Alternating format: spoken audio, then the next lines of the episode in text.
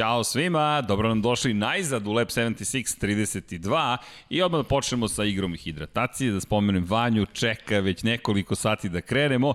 Šalu na stranu, svi smo nestrpljivi započ, zapravo da započnemo novu emisiju, kad pre prođe šest dana ne znam, prošle su trke MotoGP, a za ljubitelje Formule 1, naravno utorkom, navikli ste, nadam se, da pričamo o Formuli 1 i danas, obično je Pavle tu, međutim danas je Darth Vader sa moje desne strane, ima razloga zašto je Darth Vader, s obzirom na činjenicu da smo najavili gosta Filipa Đorđevića, čoveka koji je krenuo kao entuzijasta i sada je profesionalno, sada se profesionalno bavi zapravo pisanjem o Formuli 1, Moto Grand Prix i generalno automotosportu, Formula E pogotovo, Tako je, interesantna, jeste, ali jedan od razloga zašto smo te zvali, ne samo što si bio u studiju onoga dana, da smo rekli, zašto Filip nije sada sa nama, već imaš jednu nevjerojatnu priču, a koristimo priliku da stiže velika nagrada Rusije, deseta runda ovogodišnjeg šampionata sveta, da, najavimo, možda izjednačenje rekorda, Lewis Hamilton, njegov bolid je tu sa Mihaelom Schumacherom, tu je i knjiga našeg dragog prijatelja i kolege Dijana Potkonjaka, iako kaže da to nije knjiga, ali jeste. Crveno i crno se zove i možete je videti. Nema je trenutno u slobodnoj prodaji, ali možda ćemo pokrenuti ponovo priču da i reizdamo ovo nekako, vidjet ćemo s Dekim. No, Filipe, hvala ti prvo što si došao. Drugo, imamo, imamo o čemu da pričamo. Dakle, stiže nam deseta runda šampionata sveta, 17 ih imamo ove godine, rekordi su tu i volio bih da se pozabavimo i onim što nas čeka ovoga vikenda. Nažalost, na one koji se eventualno pitaju, Paja danas bukvalno nije mogao da bude sa nama. I pozdravlja vas sve, izvinjava se, međutim, ne brinite, nije prešao na tamnu stranu, tu je samo tamni Lord Sit, a i o tome ćemo pričati malo o Zvezdanim vratu, imaš veze i sa time i posvetit ćemo se naravno ti i ja Formuli 1, a onda ćemo pričati malo o onome što si ti radio, čisto onako šokantno, to jest da, da, da kažem nešto što je meni impresioniralo, pored tebe je jedna igrica, ako se ja ne varam. Da. To je... Formula 1 2019. Da, to je Formula 1, to je Code Masters igrica, to je zvanična igrica Formula 1, je li Tako, tako? je, tako je. Tako I je. Ti kao Filip Đorđević si bio u okviru te igrice 2017. i 18. prisutan, je li tako? Tako je, tako je, tako je. A, moj dizajn kacige je izabran kao jedan od onih koji će moći da se izaberu u karijeri vozača kao dizajn koji vaš vozač koga napravite u igri nosi. Da izvini, ja imam osmeh na licu s obzirom na činjenicu da sam potpuno oduševljen. Dakle, ti si inače iz Novog Sada, je li tako? A, iz Renjanina. Iz izvini. Da. Ali živiš trenutno u Novom Sadu? Da, živim i radim u Novom Sadu. Ok, dobro. Dakle, izvinjam se, iz Renjanina, ali u Novom Sadu trenutno i sada u Beogradu. Dakle, Tako je. šetaš se trenutno kroz našu malu galaksiju. Tako je, tako je. I kako je došlo do toga? Ajde da ispričamo prvo tu priču. Ja se izvinjam što znam da treba da najavim veliku nagradu Rusije, od meni je ovo ta ljudska priča. Infinity Lighthouse je rekao, pričat ćemo o telepriče. Evo je kaciga, inače ovo s razmjer 1 prema 2. I evo ga tvoj dizajn, Filip Đorđević, dizajn. Šta se desilo? Kako si završio u Cold Mastersovoj igrici? A, pa 2015. čini mi se ja sam se priključio grup, odnosno stranici na Facebooku koja se zove, koja se sada zvala F1 and Custom Helmets, sada se zove 2D Custom Helmets ili 2, 2D, 2D. 2D Custom Helmets, da. I u principu sa njima sam, mislim, mi smo, mi smo onako isto entuzijasti, volimo da dizajniramo i u principu svi smo zajedno, svako dizajnira šta je njemu zanimljivo i da uh, to delimo posle na našoj stranici na Super. Facebooku i posle nekog vremena, to je 2017. godina, uh, u našem grupnom chatu na Facebooku stiže poruka koja kaže uh, Codemasters je napravio konkurs za dizajn kacige za igru, za mod karijere i kao da neko od nas nešto napravi odnosno zapravo da svi nešto napravimo. Uh, ispostavilo se na kraju da sam samo ja ovaj, Napravio. nešto uradio, da. Okej. Ovaj, ali e, da, pošto ograničenje je bilo da može tri dizajna da pošalje jedna osoba i da uh, u dizajnu mora da se koriste, može da se koriste crna, bela, crvena, zelena i plava boja. Dobro. Znači to su ograničenja koje su oni naveli.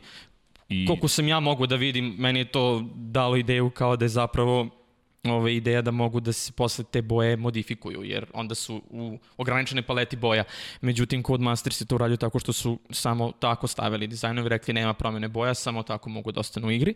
I u principu da, jedan od, uh, čini mi se, sedam pobedničkih ovaj, je i moj, tako da Ovaj, to, je bilo, to je bila zabavna vest, obzirom da je došlo negde recimo oko 10 uveče, neki avgust mesec, ovaj, poruka na mail kao uh, vaš dizajn je izabran. Ja sam u tom momentu dao spremao neki ispit ili nešto, i onako bio sam kao već potpuno ono ovaj, pogubljen i sad kao mail ovaj, od Codemastersa, vaš dizajn je izabran.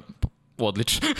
Da, ali, ali meni je to fenomenalna priča. Rekli smo da ćemo da pričamo, da ćemo da tražimo ljude, sa, pogotovo sa svih naših prostora. Dakle, kad kaže naših prostora ljudi, ja to gledam kao ljubav prema automotosportu. To su Apsolutno, prostori. Gde da. god da živite, koji god da pripadate naciji, religiji, veri, čemu god, dakle, a dok god se mi razumemo, e, to je naš prostor. Dakle, ovo je studio na kraju univerzuma i mi verujemo u te univerzume. Dakle, to je naš univerzum.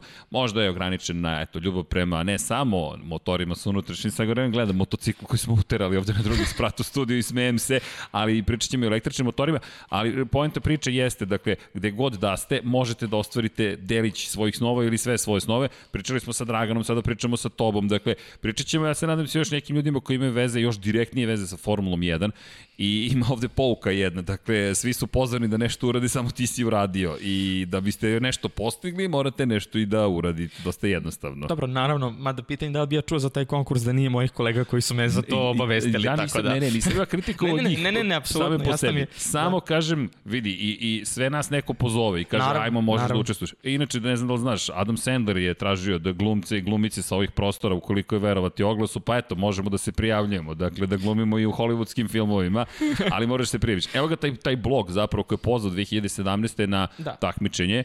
Hvala Vanji, vreme je za hidrataciju i um, ovde smo zapravo videli i da si ti među pobednicima. Ono što je meni zanimljivo u okviru ovog dizajna, ja sam prvo pomislio kada sam prvi put video rekao ok, ovo je Botasov, e, ovo je zapravo Botasova kaciga, ali da li je ovo Botasova kaciga? A, pa ne, ne, ovo je moj umetnički dojam kako bi kaciga kako ja vidim kacigu za Formulu 1. Mislim, ja sam ljubitelj geometrijskog dizajna. Znači da Dobro. nema Šta ono... to tačno znači? Da nema krivih mnogo linija, polukružnih linija, nego da sve su oštre linije. Dobro. Znači da, da um, i volim taj motiv brzine, uslovno rečeno, ti e, paralelogrami koji se zapravo sužavaju. Ovaj, I daju kako... dojam brzine Da, zapravo da, stvari. da, da. Znači što više oštrih linija i što više tih, ovaj, kao, da kako kažem, a, kao da ponestaje tih paralelograma. To je, to su, to su, to su motivi koje najviše volim da koristim na dizajnima, Jasno. tako da. Dobro, uradio Ovaj- si dobar posao, rekao bih. Da, Čestitam, da. da. završio si igrici, bio si dve, u verziji za 2018. Tako je. Tu je za 2019. stiže nam, nadam se, držite nam palčeve, dakle stiže nam i 2020. već je izašla, da. ali nadam se da nas stiže i Sony PlayStation petica. E, to je test koji verujem da će ispuniti prostorije studije na kraju univerzuma za testiranje.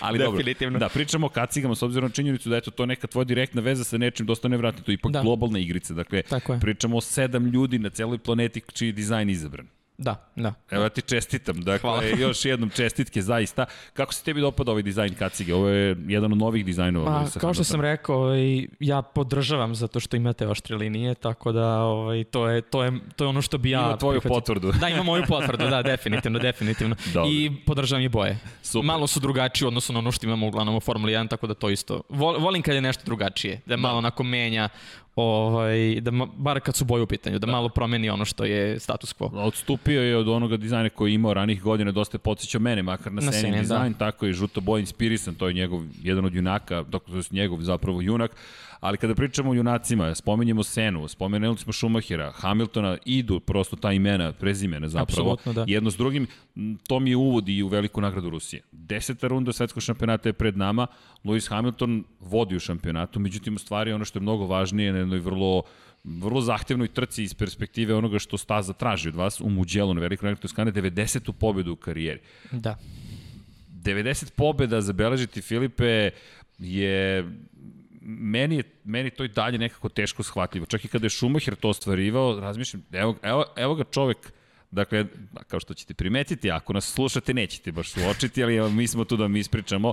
Gledamo sliku iz 2001. godine i hvala Ferrari i medijskoj biblioteci na ovome. Ovo je ta legenda o kojoj govorimo. S brojem 1, posle osvojene prve titule u bojama Ferrarija I za nas malo starije, evo Kaciga koja je takođe izmenjena. Njegova je u početku imala dizajn nemačke zastave i bila je bele pozadine. To je jedan od najlepših dizajnova kaciga koji postoji definitivno, bar po mom mišljenju. I jedan od najprepoznatljivijih. Apsolutno. Dakle, ne, ne znam kako ti misliš, ali znaš šta mi sad pada na pamet? Imamo ovu majicu sa kacigama. Morat ćemo da napravimo specijal emisiju o kacigama.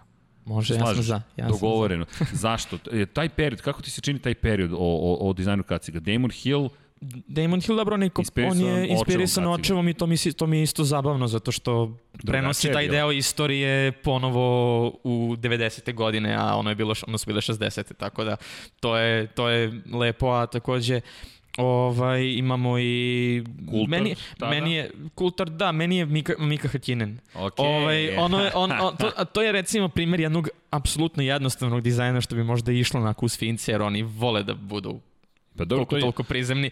ovaj, pa da, arhitektura njihova, ako pogledaš Danska, Švedska, Da, Finska, apsolutno. dosta su jed, jednostavno. To je kompleksnost u jednostavnosti da u suštini. apsolutno. Ali taj period je meni, možda zato što Da. sam ja bio mlad, ali ti, ti, ti čekaj, kad si rođen, izvini? 1994. godine.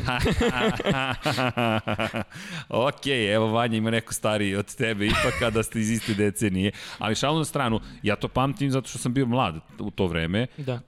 Ti pamtiš, dakle, te, tebi ipak iz ove perspektive, iako si sad tek napunio, dobro, sad imaš već u 27 godina, ali da, i dalje se osvrćeš na taj dizajn kao jedan od boljih. Da, da, apsolutno. Um, meni isto uvek je bio zanimljiv uh, od fizikele, onaj X koji on pravio sa različitim Ok. bojama uvek, to mi je bilo isto zabavno.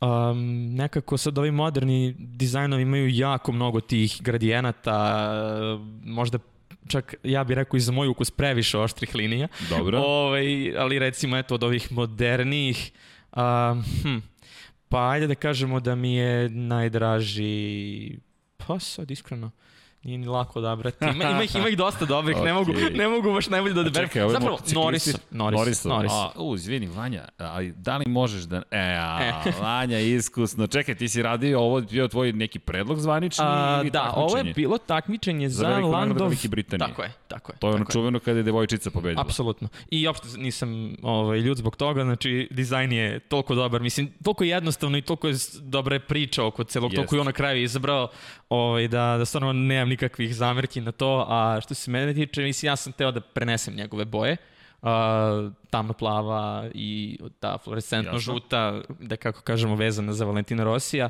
I, i da prosto bude malo drugačiji, opet kao što sam rekao, krive linije, oštre linije, toga, toga, ovaj, toga ima ovaj, tu dosta, tako da opet pokušam da prikažem sad kroz te ajde kako kažem, nazubljene linije, opet brzinu. Dobro. Tako da ovaj, to je bila, to je bila negde, to je ne- negde bila ideja, pošto jedino što je bio zahtev jeste da se ne preklapaju sponsori, koji su već dati na templateu i da se Landov logo negde stavi. Dobro, to je sve ispoštovano, ali vraća nas malo sad u prošlost, a u, ovo, Ovo je druga. Izgleda. Ovo je druga, baš da. dobro izgleda, dakle, ovo je sjajan dizajn. Hvala.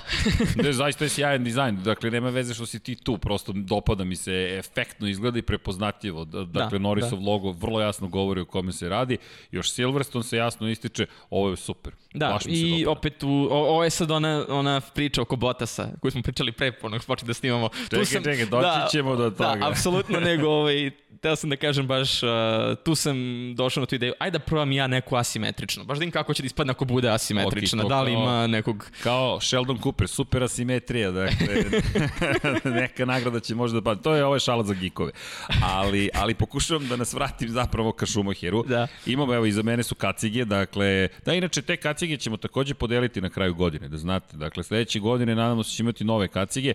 Rossi je potpisao njegovu, Lorenzo je potpisao njegovu, a pratite sad ne bih da vam govorim unapred šta će se događati, ali bit će još nekih kaciga, kad, s obzirom na činjenicu da smo ovde u Formuli 1, ko zna šta nam tek dolazi u studio. Ali pratite, pratite, da, i kako ćemo pokrenuti, nemam predstavu. Čekao sam Paju, dakle, da saopštimo kako ćemo pokrenuti kačkete, ne zamerite, još uvek to nismo rešili, ali smo i dalje u selidbama i nameštanju studija, tako da nam treba malo više vremena. Vidite da su skije tu, nema zida još uvek, dakle, iza mene, ali zid šampiona će se vratiti. No, da kada smo u šampionima, najzad da se vratim na Mihajla na Šumahera.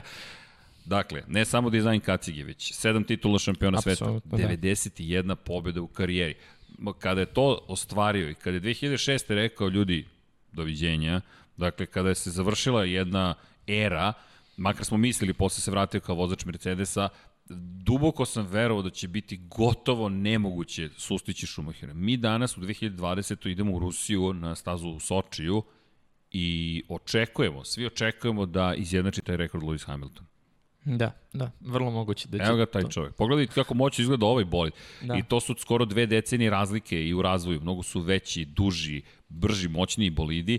Inače da, jedan od komentara je bio da nemaju ih preko 1000 konskih snaga, verujte imaju. Dakle, Renault je čak zvanično potvrdio da bolidi imaju moderni preko 1000 konskih snaga kada računate i snagu koju vam daju elektromotori i motori sa unutrašnjim sagorevanjem. Tako da iz V6 motori izlače preko 840 konjskih snaga, to je tek nestvarno, ali da se vratimo na, na Luisa Hamiltona. 90. Je, 90. pobjeda, 91. ga čeka. Iz tvoje perspektive, šta to predstavlja u okviru Formula 1? Pa definitivno da se stvari menjaju, da je novi rekord na pomolu i da moramo da, da tako kažem, prihvatimo činjenicu da, eto, bar po tom pitanju, Schumacher možda neće biti najveći svih vremena, ali da li ostaje najbolji, to je vrlo verovatno slučaj. Jer mislim da je Um, moderna Formula 1, mislim, to ima ono čuveno pitanje onog novinara uh, s Abu Dhabija sa konferencije koji kaže, koji prita ono, Niki Lauda once told us uh, that the monkey could drive the car, ne znam kako da, to tačno ide. rekao je da, da, da, da, da. U principu, mislim da ova moderna Formula 1 uh, prvo što ima mnogo više trka preko godine, drugo što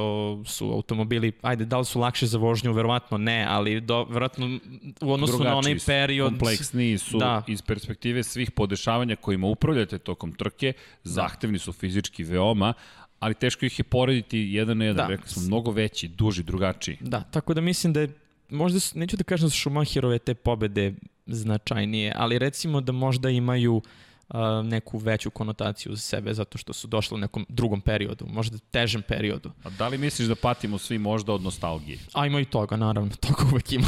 Jer ja se sećam Schumacherovog vremena i tada sam to posmatrao na sličan način. Pa ok, 90. pobjeda, ali nikad neće biti velik poput Sene, nikad neće biti Ayrton, nikad ne...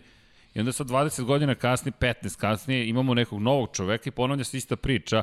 Da, ali nikad neće biti, nikad neće biti. I to je Pavla super rekao. Svako vreme ima svoje heroje. Naravno, da, to je- Teško je dati procenu. Međutim, za 2040, ako nam Formula 1 bude postojala, ako mi budemo u Ako ne bude 76 Formula 1E onda, da, da, to je, to, je, to je isto, da ti dosta pratiš električne u formulu i generalno da. razvoj električnih pogona, ali nekako patim, znaš, ne, Da, želim da. ove zupčanike iz menjača, mada ima, postoji menjači naravno i električnim pogonom, to, dobro, to pogonom. funkcioniše malo drugačije, Tako ali je, da. da, ali patimo, znaš, maziva, da. zupčanici, Apsolutno. lančanici kod motora i tako dalje. Pa dobro i lepo izgleda kada stavite brand, Shell, Castrol, šta god na taj automobil, zato što to su firme koje pamtimo iz tog ranog perioda i to su neke Čekaj, to- logoji koji su... Izvini, to posmatraš dizajnerski i, ili... I generalno, mislim, lepo, lep, lepo izgledaju boje LED sa svim tim sponzorima, mislim, pogotovo kad se stavi onako krupno. Mislim, ja volim Castrolov branding, meni je to ovaj, zelena i crvena, iako kažu da ne bi trebali idu zajedno, ali Oni su uspeli da. Da. i prepoznatljivi su. Odmah Da. da. znaš da je Castrol u pitanju. Ali, ali apropo, evo još malo hidratacije, da, da bacit ću polako tu reč iz upotrebe, ja se nadam. Pa dobro, Max Verstappen kaže isto. Ili se hidrirate? da, i, i to jeste, dakle, to je, le, e, to je lepo rečeno. Dakle, to zbog svih vas koji slušate ili gledate, dakle, da bismo pili vodu, tu je voda u, u crnoj šolji, dakle, Hamilton ipak, bez obzira kako stvari izgledale, dakle, treba poštovati ono što čovjek postiže. Da, to je apsolutno. fascinantno. Dakle, i, i Mercedes zajedno s njim, Pavle je lepo rekao, Mercedes je vjerojatno trenutno najveća zvezda Formule 1. Međutim, to ne umanjuje uspehe Luisa Hamiltona, umanjuje više odsustvo konkurencije. Ja više bih kritikovao i Ferrari, i Red Bull, Apsolutno. i McLaren, koji je izgubio negde svoj put, ali ga polako pronalazi i naravno i Williams koji je nekada bio veličina koji je sad prestao da postoji kao takav. Da, i dalje imamo ekipu Williams, ali porodici Williams nema. Tako da, rekao bih da konkurencija takođe duguje. Što Schumacheru, Ferrari, da odbrani njegov rekord, takođe i da Lewisu Hamiltonu da jedan izazov gde te pobede da su ostvarene, nije bitno ko je prvi, već toliko jednostavno izgleda što ti kažeš da, da kao da se postoje pitanje, pa da li je to zaista najveći uspeh svih vremena? Čujte, kada saberemo, oduzmemo, to će biti najveći ne, mislim, uspeh. hoće, to, to je definitivno. Niko ne usporava taj moment, samo to što si rekao, delo je previše lako u nekim To situacijama. je, to je suština. Da, da ali, Ali- nije ni malo lako. Mislim, Nije. tu ima jako mnogo faktora i činjenica koji utiču sa, sa strane i, i samog automobila, da mehaničkih kvarova i s druge strane elektronike koje je unutra i onda tima koji je iza njega To i su sve ostalo. kompleksni bolidi. Apsolutno. su veoma kompleksni bolidi. Nije lako postići to što je Mercedes učinio. Hamiltonu svaka čast. Za još jednu bitnu stvar, 2013. jedina osoba koju ja znam, iskreno, koja je hvalila Hamiltonov potez, da iz McLarena, koji je 2012. beležio pobede, bio možda i najkonkurentniji bolid, samo što je ekipa pravila preveliki broj grešaka, dozvolila da. Red Bullu nekako da, bez obzira na loš početak sezone, ipak se nametne do kraja. Ferrari je bio tako blizu sa Fernandom Alonsom. Inače, Fernando Alonso koji je otišao, koji jutros bio u fabrici Renaulta. Da. I rekao je, posle 21 godine, ja znam svaku, svaki hodnik, znam svaka vrata, znam sve. O, ok, Digresije su normalno u podcastu, tako da... da, da, da, upravo hoću da kažem ljudi, ja ne mogu, jače od mene, prosto mi pričamo, ali eto, 21 godina, pa, pazi sad taj deo priče, mi smo pričali o kacigama iz tog perioda, da. Da. pričamo o rekordima iz tog vremena, sa 21, oprostite, 19 godina od kada je tamo bio, 21 je imao zapravo Da. Fernando Alonso i evo ga nazad i u Formulu 1 u Renault i baš tamo gde je prvi put se šetao. Da. I to će sad biti Alpina. Da, to će biti Alpina. Što će biti isto specifično zato što eto, sportski ti sportski brendovi dolaze. O, Aston Martin koji je pobedio na Le Manu. E, čekaj, Ispred Aston Ferrarija. Ispred što, je, Ferrarija. što je vrlo Da, zanimljivo. Da, I, i, da, i 24 časa Le Mana smo imali, toga ćemo se takođe dotaći, ali Vanja, možeš da nam izvučeš onaj Aston Martin? Imao si ti ovde još jedan dizajn, dakle, Da, da. de- to, to, je, to je isto jedno nešto što bilo je za, zabavno videti prosto kako si Racing Point zapravo Da, izdizajnirao u celoj tako je, priči. tako je. Ali, evo ga, dizajn za one koji prate video kadrovima. Ako slušate, bacite eto pogled u- na, na, i na YouTube video. Dakle, čekaj, sad ovde imamo zelenu boju i ciklama. Je li ovo ciklama? Pa da, mora da bude ta roza boja koja je sad prisutna u, u Racing Pointu. Mislim da to sad postala tehnički njihova boja, tako da bi moralo da bude negde nje. Okay. A mislim da je ovo ostalo utjecaj Aston Martina, tako da ovaj, definitivno da je to... Okej. Definitivno da, da je, to, to je bila ideja na kraju Ovo krajeva. neki A i takmičenje ili... A, ne, ne. Ovo je, zapravo, sad tehnički mogu bi da se nazove, ali nije per se takmičenje. Dobro. A, između ostalog, znači, pored ovih kaciga, a, deo sam foruma koji se zove International Motorsport Graphics. To su momci koji... AMG. AMG, da. To su momci koji rade dizajnove, uglavnom uh, boju automobile, ne kacige. Uh, I kod njih postoji isto, tak, ja to zovem takmičenje za prestiž, ko je od nas tu na forumu prisutnih najbolji u svom poslu. O, poslu, ako možete tako da se Pravo nazove. takmičenje, da, Formula da, 1 stil. Da. Dobro. A, I uh, jedan od uh, tih kao uslovnoračenog konkursa koji su tu napravljeni je bio ajde da dizajniramo, pošto imamo kao sezone od po 12, Dobro. svakih mesec dana se dizajnira nešto, najbolji bude izabran i onda taj najbolji zadaje sledeće i tako u krug. I tako idemo celo godinu i onda proglasimo ko je najbolji bio u toj konkretnoj sezoni. Dobro. Ovaj, I u principu sad uh, prošlog meseca je bilo takmičenje upravo ovo, ili pretprošlog sad, nisam najpreciz, ne znam najpreciznije, ali u principu skoro je bilo, da se, kako bi izgledao taj Aston Martin kad bi se pojavio u, uh, u Formuli 1. Jesi pobedio u Jesam. pa- I šta Jesam. si zadavao ostalima? Jesi s ovim pobedio? S ovim, da, da, da, baš sa ovim. O, čestitam, čekaj, nismo znali. Višestruki šampion. Dakle.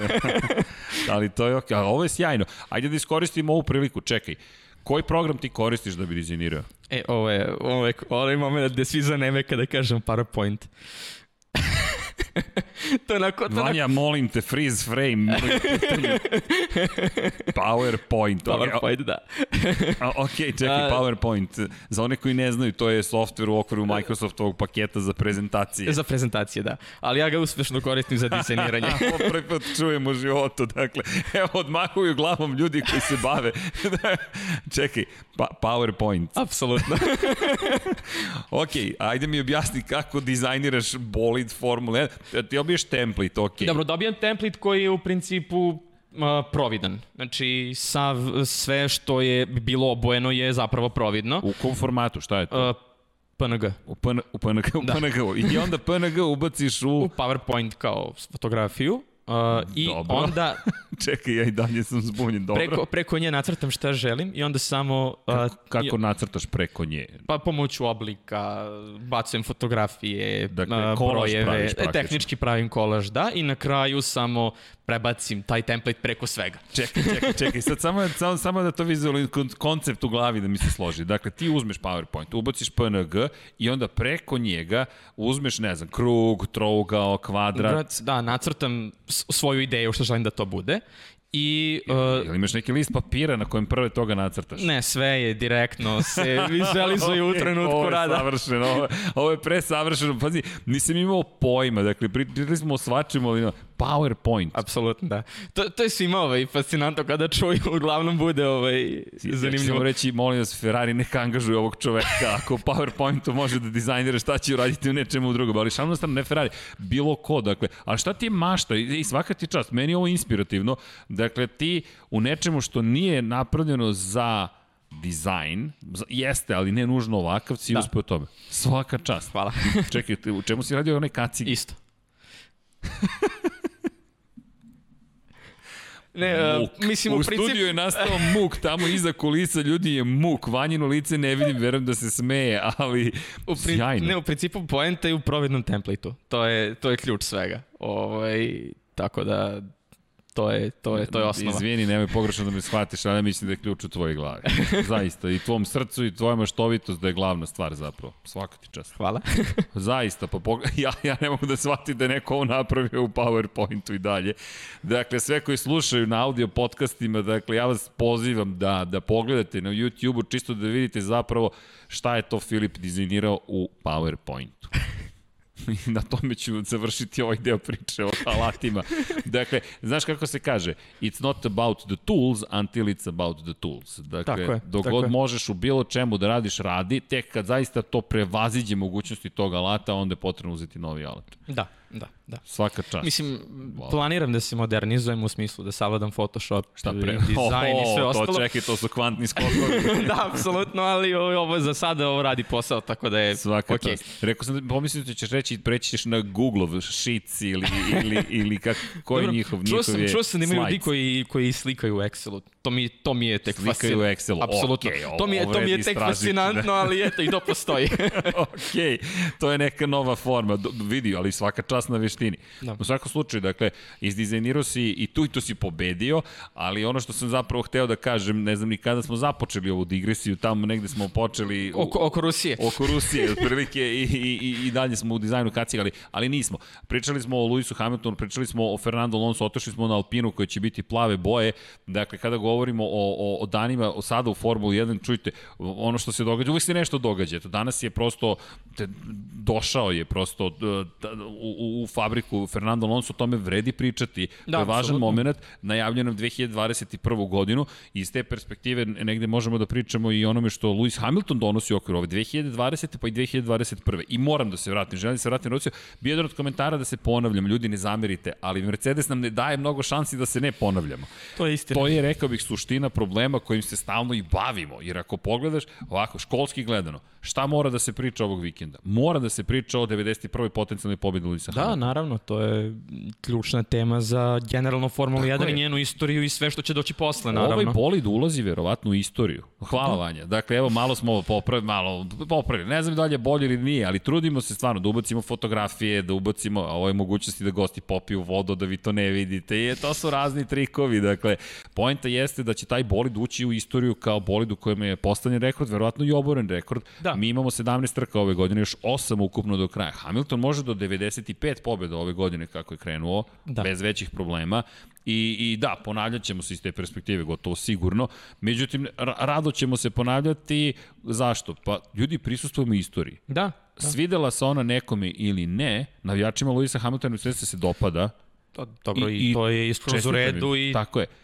I, izvini, da se vratimo na 2013. Ko je mogao 2013. da pomisli da to što Lewis Hamilton odlazi u tim koji su u tom momentu muči i gde u Stuttgartu sedi neki upravni, ne neki, upravni odbor Mercedesa. ozbiljan upravni odbor. Tako je. I razmatra da li da izađe iz Formule 1 ili da, nastavio hibridnu pogotovo, eru. Pogotovo što su oni tada bili posvećeni DTM-u, Formula E je uzimala zamaha i pričalo se o njihovom Jeste. dolasku i tu ima mnogo tema koje zapravo su njih kopkale šta da rade, ali mislim da je ključ tu bar koliko sam ja čuo da su pričali ljudi o tome, da je Niki Lauda bio jedan od ljudi koji su ga ubedili da je taj projekat zapravo taj koji njemu treba i koji, u kojoj on treba zapravo da se posveti. Da, Niki Lauda je bio instrumentalna ličnost u tome da Hamilton uopšte dođe u Mercedes, ali i generalno organizaciji Mercedesa. Da. Samo bih da stavimo neke stvari u kontekst i u neku istorijsku perspektivu. Dakle, Hamilton nije bio u najjačoj ekipi, pa je sigurno, sigurno igrao. Ne, ne,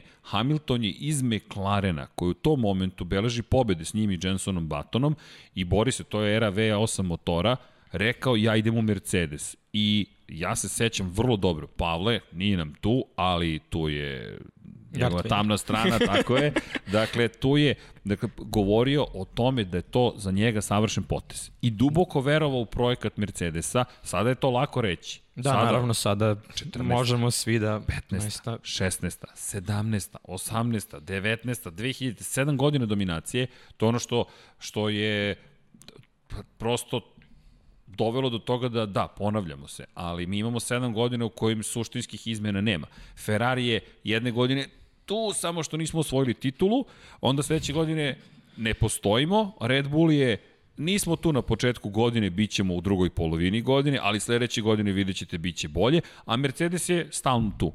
Da. Nije Lewis Hamilton kriv zbog toga. Ja ne, mu pa... čestitam na hrabrosti da izabere Mercedes. Da, da, pa Pretpostavljam da su i oni negde imali u vidu njega kao neko ko je sposoban. To je sjajan vozač, on je imao da, titulu osvojenu. U drugoj da. godini pa, takmičenje u Formuli 1. I imao je šansi u prvoj, samo što ga sreća gledala drugačije. Kako da. je zastao onaj bolid između treće i četvrte krivine u, u Brazilu? Posljednja da. trka sezona odjednom... A, a pričamo i o Kini da se parkirao u šljunak, da, da. u pit lane. Tako što je da... zajedničke e, krivica i njega i ekipe, da. više bih čak rekao ekipe, on je Danjano Vajlija, ekipa mu ne govori, nego kaže sledeći krug, on čeka taj sledeći krug, gume stradaju i on izleće. To je njegova vozačka greška, ali te gume su već bile Dobro, da, gotove. Da, mislim, mislim da je pričao to u onom oficijalnom podcastu Formula 1 da je pričao Frederik Vasser za Hamiltona. Kaže da jako, bez obzira čija je greška da on uzima, uvek da je to delom i njegova. Mislim da je pričao u da. Formuli 2 da je uh, bio uh, jako brz, sad ne sjećam se tačno koja je trka bila u pitanju i onda ga je kolega udario i onda on zbog tog, uh, zbog tog oštećenja nije uspio da završi trku ili šta se već desilo i on je rekao da, ali to je moja greška. Ja da se nisam sa njim, nisam bio s njim da se borim na stazi, ja ne bi došao u poziciju da ne završim trku. Znači, to je taj moment posvećenosti njega kao vozača, pretpostavljam da toga ima mnogo kad je on u pitanju, i generalno Mercedesa kao ekipe, jer oni sad to smatruju vrlo ozbiljno. Ja mislim se to radio vrlo ozbiljno jer posvetili su se ovome sada, Filipe, ovo je istorija. Da, i posvetili su se Formuli 1. Mislim, njima je bila otvorena prilika da ostanu u DTM-u i kažu mi nećemo Formuli 1. Oni su rekli mi hoćemo Formuli 1 i sad su tu. I definitivno se vidi da su posvećeni tom projektu. I povukli su se iz da, DTM-a. Da, povukli su se iz DTM-a. Da. Ali DTM, samo da napomenemo, ne opstaći. Zraci života su se pojavili. da. I, I pričali smo, Pavle, ja prošli put, kada hoćeš uspeh u Formuli 1, pozovi Austrijanca. Apsolutno. Ovde su u DTM-u su pozvali Austrijanca, Gerhard Berger, čovek koji bi mogao da spasi zapravo kompletan šampionat. Da, pa on je radio naporno na tome i o tome se pričalo već godinama i godinama unazad šta će zapravo DTM, pogotovo kada je Audi najavio ove godine da će se povući i zbog uh, koronavirusa i zbog toga što su shvatili da im ovaj projekat ne znači toliko koliko im znači razvoj u elektropogon i da su odlučili da se da prebace ceo fokus na Formule E da već dugo imaju tim, a nemaju toliko rezultata koliko su možda očekivali. Tako da ima tu mnogo faktora koji odlučuju. Ove, a generalno, mislim, to je to je meni bilo fascinantno kad sam bio u Berlinu na finalu Formule, pričao sam igrom slučaja sa Androm Lottererom koji je tada vozio za DS I on mi je rekao, pa vremena su se promenila, ljudi to možda i dalje ne žele da prihvate, ali vremena, iako su tada, za njega generalno, za Andre Lotterer su govorili da nije toliko uh, zainteresovan za Formula E, ali mislim ja dolazim i pričam sa čovekom koji mi kaže, vremena su se promenila, mi smo sa Audijem počeli na Le Manu da, da stavljamo prva, prva zrna tih ovaj, Da sade praktično da se, da se kreće ka tome, da. Pa, A i onda dolazimo danas gde mi imamo potpuno električno trkanje koje traje celu trku, može da izdrži baterije i mi se trkamo na ogromnom nivou. Znači, to je sada najviše proizvođača trenutno tamo, prisutno, fabrič, sa fabričkom podrškom. Ti, ti baš dosta pratiš formule da. i ti si posvećen tome i to jeste budućnost. E, da. Ti si i nova generacija. Nisam spomenuo u uvodu trebalo je, ali prosto šta sve, kako uvesti u priču. Me, za meni dalje fascinantna tvoja posvećenost. Ti inače nisi plaćen za ovo.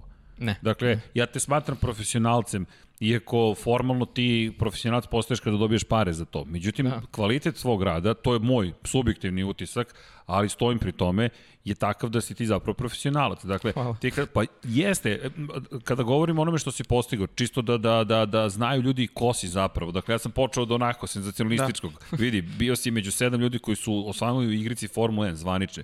Ja skidam kapu za to, skidam ti kapu zaista za sve što si uradio. Dakle, došao su F1 Srbija.rs 2014. Prestao da postoji sajt 2015. Grand Prix Srbija.rs koji dan danas postoji. Da. I to je opet grupa entuzijasta. Međutim, šta je meni fascinantno? I znam kada smo se upoznali davno, mada si to ovde meni to simpatično stavio, kada si bio na sport klubu kao naš tako gost, tako dakle, bio si i tokom treninga za veliku nagradu Abu Dhabija. Ali ono što je fascinantno, ja sad samo čitam neke stvari, stariji sam čovjek, ja volim da, da, da, da imam napisano, ali Ajmo da pričam malo i o intervjuima. Dakle, ti nisi neko ko tek tako prati sa strane. Pratio si sa strane, posvetio si se entuzijastički i šta je o, poenta ovoga? Da želim da motivišem sve vas. Inače, pozdrav za McLaren Fan Club. Ne znam tačno uh, kada ćemo videti taj podcast ili čuti, nadam se, inspirisani, hvala vam na tome. To su najlepše, to nije ni kompliment, to su emocije koje mi delimo. Lepom 76, neko će sada snimiti svoju priču. Ljudi, aktivirajte se uvek, dakle, Naravno. budite vredni. Evo vam primjer Filipa i ti sad pišeš kao novinar i ti si išao i na VTCR, na TCR Evrope, išao si na Formulu E, intervjuisio si ozbiljne ljude. Da. Iz da. Formule 1 koga si intervjuisao? Uh, Štofila Van Dorna, Felipe Masu, uh, uživo, uh, obojicu na Formuli E kad sam bio prošle godine. Uh, iz Formuli 1 sam upoznao Pascala Verlajna na DTM-u 2018. I tad se ono pričalo o tome da li će se vratiti, neće se vratiti. Ja sam ga onako, onako škakljivo sam ga pitao Toro Rossi ima prazno mesto, hoćeš ti doći. I on mi samo se nasmio i rekao kao vidjet ćemo. Ja sam bio okej, okay, znači možda on tu ipak ima neku priču. Ispostavilo se da nije bilo ničega. Da, to smo preneli. Ti si da, nam to javio, iskoristili da, smo, preneli da. smo prenosu. Ovaj, ali da, bilo je tu raznih priča ovaj, što se tiče... Ako se ja dobro sećam. Timo Glock, takođe. To mi je bilo najzabavniji moment. Sedao sam sa Timom Glockom u hospitality BMW-a i morao sam da ga pitam šta ti je prolazilo kroz glavu 2008. u Brazilu. Okej. Okay. to, to je pitanje koje mora da se postavi Timo Glockom prolazilo? Ali uh, ja sam počeo ovo pitanje tako što sam rekao, moram ovo da te vas pitam. Uh, nešto mi je rekao, je li Brazil 2008? Rekao, jeste. I, je li ovaj. odgovorio? I rekao je, ali evo citiram čoveka, rekao je, ja, bi samo, ja sam mislio samo da preživim. znači, on kaže, meni su gume toliko bile gotovo nepostojeće. Kaže, ja sam samo razmišljao da dođem do cilja, kome prolazi, nisam uopšte ni da gledam. Znači, moje je bilo samo da preživim. Ta, te reči potrebio samo da preživim. Vidi, a, ti ako hoćemo da preživimo, moramo se držimo mikrofona prilično blizu. Vanja da. mi već oštro gleda, par puta sam se sklonio od mikrofona, da znate to kada nam se izgubi ali imajte razumevanja, dinamički da, su da. mikrofoni. Evo, Vanja, dižem ruku, izvini, ali u svakom slučaju da se vratimo na Gloka. Nije da. samo Glok, Mark Weber, ako se Mark Weber, tako je. To je, to je bio jedan jako meni drag Dobro. moment, uh, zato što to su, to su bili sami početci GP Srbije i nismo toliko tad još pravili velike stvari i onda ja jednog dana pošaljem mail uh, PR službe Marka Webera i kažem ja bih volao intervju. On je tad već izašao iz Lemana i već je bio, što se kaže, slobodan, uslovno rečeno mogo. Izašao li kada je postao šampion? Naravno, naravno. I oni mi odgovaraju kao može pošaljite nam pitanje. Ja sam uvijek tu skeptičan kad mi kažu može pošaljite nam pitanje dok ne dobijem zapravo odgovore. I poslao sam sve uredno. Uh, inače u tom periodu, mislim, moj otac je ogroman fan Marka Webera i posle toga je prisvojio Daniela Ricarda. Ove, ovaj, Australija rekao. Australija, da, da apsolutno. I, ove, ovaj, da, i onda je to bio moment i meni kad sam ja mogu da kažem radim intervju s Markom Weberom. Je to je onako bio generalno za nas u kući velik moment. Ove, ovaj, I poslali su nam i popisane one uh, kartice Marka Webera, tako da smo i to, i to, i to sad imamo tamo, tako da je... Ove, to se čuva. To se čuva, apsolutno. Sjajno. Ali to je početak. Posle si počeo da ideš i po trkama i da. regionalno, zatim i u svetu i sada je već to nešto uobičajeno. Naravno, COVID-19 nas je sve... Nažalost sprečio, da. Sklonio sa staze, ali vratit ćemo se, da, da. znate, vratit ćemo Moramo se da se vratimo. Zajedno. Ali činjenice da, da si zaista došao do toga da, da imaš i ovakva iskustva i da, da je tvoja veza sa automotosportom zaista impresivna. Meni je impresivna, pogotovo što znam kako si krenuo, entuzijazam i korak po korak dođeš do toga da pričaš sa jednim timom Glokom i diskutuješ o jednoj od najvećih najdramatičnijih situacija u Formuli 1, ko ne zna, pogledajte negde snimak te trke, samo kratko završnica trke, Felipe Massa, vozač iz Brazila, u bojama Ferrarija, prolazi prvi kroz cilj, pobeda, pobediti ikad u Ferrariju je nešto, ali to je posljednja trka sezone. Poslednji šampion iz Brazila je Ayrton Senna, da. legenda ovoga sporta. Felipe Massa prolazi kao prvi, slave već osvojenu titulu, Lewis Hamilton u McLarenu je na poziciji koja mu ne donosi dovoljno poena da triumfuje. Timo Glock se penje uzbrdo, ka posle odmahuju navijači Ferrari, ali znam da boli, ali ljudi, to je, to je istorija i, i ne, nije mi drago ni zbog Filipe Mase, pa ni zbog navijača Ferrarija, ali uvek neko pobeđuje, neko gubi. Da. Timo Glock koji gubi kontrolu nad bolidom ne može, kao što si rekao, dakle, eto, da citiram čoveka, zahvaljujući tebi, da preživi. Da preživi, bukvalno. Hamilton ga pretiče i u tom momentu potpuni kolaps u Ferrariju, e, navijači koji, koji, koji, kojima je srce slomljeno i Hamilton koji svoj, svoj, slavi svoju prvu titulu to je moment koji se pamti. Svaka ti čast na tobe. Nema koga neće pitati, ok, šta si pa razmišlja, da, to, to je neminovno. To on meni rekao, i kao, kad sam rekao, moram ovo da pitam, i on je rekao, a da nije Belgija, re, bože, Belgija, Brazil, rekao, jeste Brazil. Ali dobro. se čak i njegova žena iz PR iz BMW-a nasmejala, pošto očigledno je to često pitanje kad je ono pitanje. da, ali kako da ga ne pitaš? Naravno, Jer to je istina. postoji ta spekulacija, to je trač da je Timo namerno pustio i tako dalje. Ne, tako ne, dalje, ne, ali mislim, ne verujem da je ljudi, to slučaj. Formula 1 je mesto da se takmičite. Tu, ako baš ima puštanja, to je Osim ako nisi Nelson Pique mlađi, s da. kojim si takođe ima intervju za one koji to ne znaju da, u Singapuru takođe. 2009. I toga ima, da. Skandal kada se zakucao planski u zid pod uh, vođstvom Flavija Briatoreda i Peta Simonca i omogućio pre, prevremeno stajanje u garažama Fernando Alonso, klubskom kolegi i pobedu i verovatno šta sve doživimo u Formuli 1. Da. Ali da. Uh, ali dobro, Piquet je tada bio šampion Formule, to je tada bila glavna tema kad je on bio u pitanju, tako da... Nisi ovaj, ga pitao? Nisam ga pitao, Singapur. ne, ne, ne. ok, ali dobro. Dobro, u svakom slučaju to su sve veliki vozači, da, zaista, zaista radi da. ozbiljnim stvarima. E, veliki vozači nazad na Formulu 1 i veliku nagradu Rusije ko bi mogao da Hamiltonu parira budimo realni, samo jedan bolid, samo jedan bolid suštinski ima adekvatne mogućnosti da mu parira, to je bolid njegovog klubskog kolege, Valterija Bottasa, i možda Red Bull, Ferrari, Matija Binotto, šta kaže?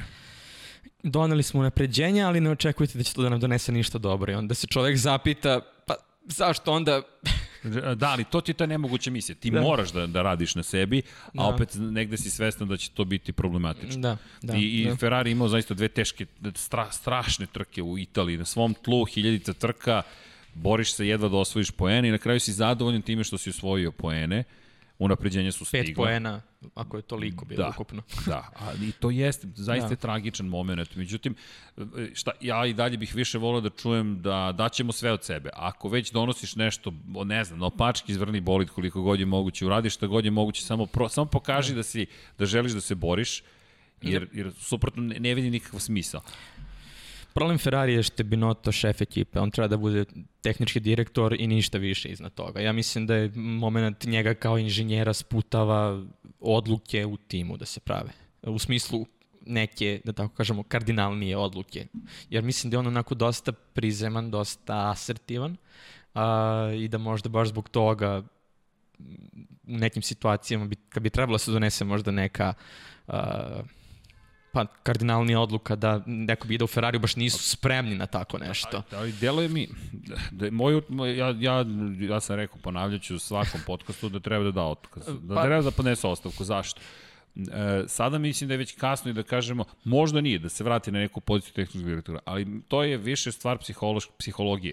Da. Dakle, da kaže, ok, završavam na poziciji ovoj do tada i tada i da, da, da se ne ponavljam previše, jednostavno očistit ću što treba da se očisti u ekipi i onda idem dalje. Iskoristiš tu priliku, jer mislim da je to najpragmatičniji za Ferrari, koji, za koji se priča da eto, se trudi, sad niko više ne zna šta se tamo događa, da li zaista razvijaju nešto za 2021. Evo sad smo baš pričali, navijači su to koji kažu za 2022. se spremamo, Niko ne zna zašto se spremaju. Mercedes je već spreman, ipak moramo da se vratimo samo na Bottasa i Maxa Verstappen u Red Bullu. Da. Bottas u Rusiji je zaista dobar, iako... Jest. Aha, Vanja, Vanja je spreman na reč Bottas, puf, evo je kaciga. Čekaj, ovo je tvoj dizajn isto. Ovo je moj dizajn za uh, Bottasovu za uh, u sad koja to godina beše, kad je menjao kacigu, 2018. recimo, da je za tu sezonu, kad je on hteo da menja kacigu, on je napravio konkurs da se uh, dizajnira, pa da on tu kacigu počne da nosi. To je ta sad isto tako i sada nosi dalje, nije promenio, tako je pobedila. Ovo, je bio, ovo su bila dva moja, ovaj, dva moja predloga. Da, i, ali rekao si pred početak emisije, pričali smo baš o onom prethodnom dizajnu. Zašto ti misliš da, da, da eventualno nije prošao? Da te, čime te iznenadio zapravo? Ba, mene Bottas iznenadio tim asimetričnim dizajnom. To sam malo pre nego isto kad sam pričao o onom Landovom što sam radio. A, zato što su strane kaciga različite dizajn je različit, jedna strana je tamnija, druga je svetlija, ali grafika je ista, samo što nije obojena. I onda je tu ima razlika ovaj, sad različit, i to je meni bilo ono kao izabrao ja simetričan dizajn, uopšte tome nisam razmišljao, kao nisam dobacio uopšte do te ideje, neko jeste i tome svaka čast, što je na taj način i iskreno pažnju, ili to drugačije, jer Jasno. uglavnom ljudi prave simetrične dizajnove, jer uglavnom tako su prepoznatljivije kacige, zato što se s obe strane izgledaju isto. Uglavnom su prepoznatljivi, zato što s obe strane izgledaju isto. Ali dobro, to je lekcija. Da, naravno, naravno. Okay, sve Ima tu mnogo lekcije oko tih, da. dizajn, oko tih takmičenja iz dizajna, tako da...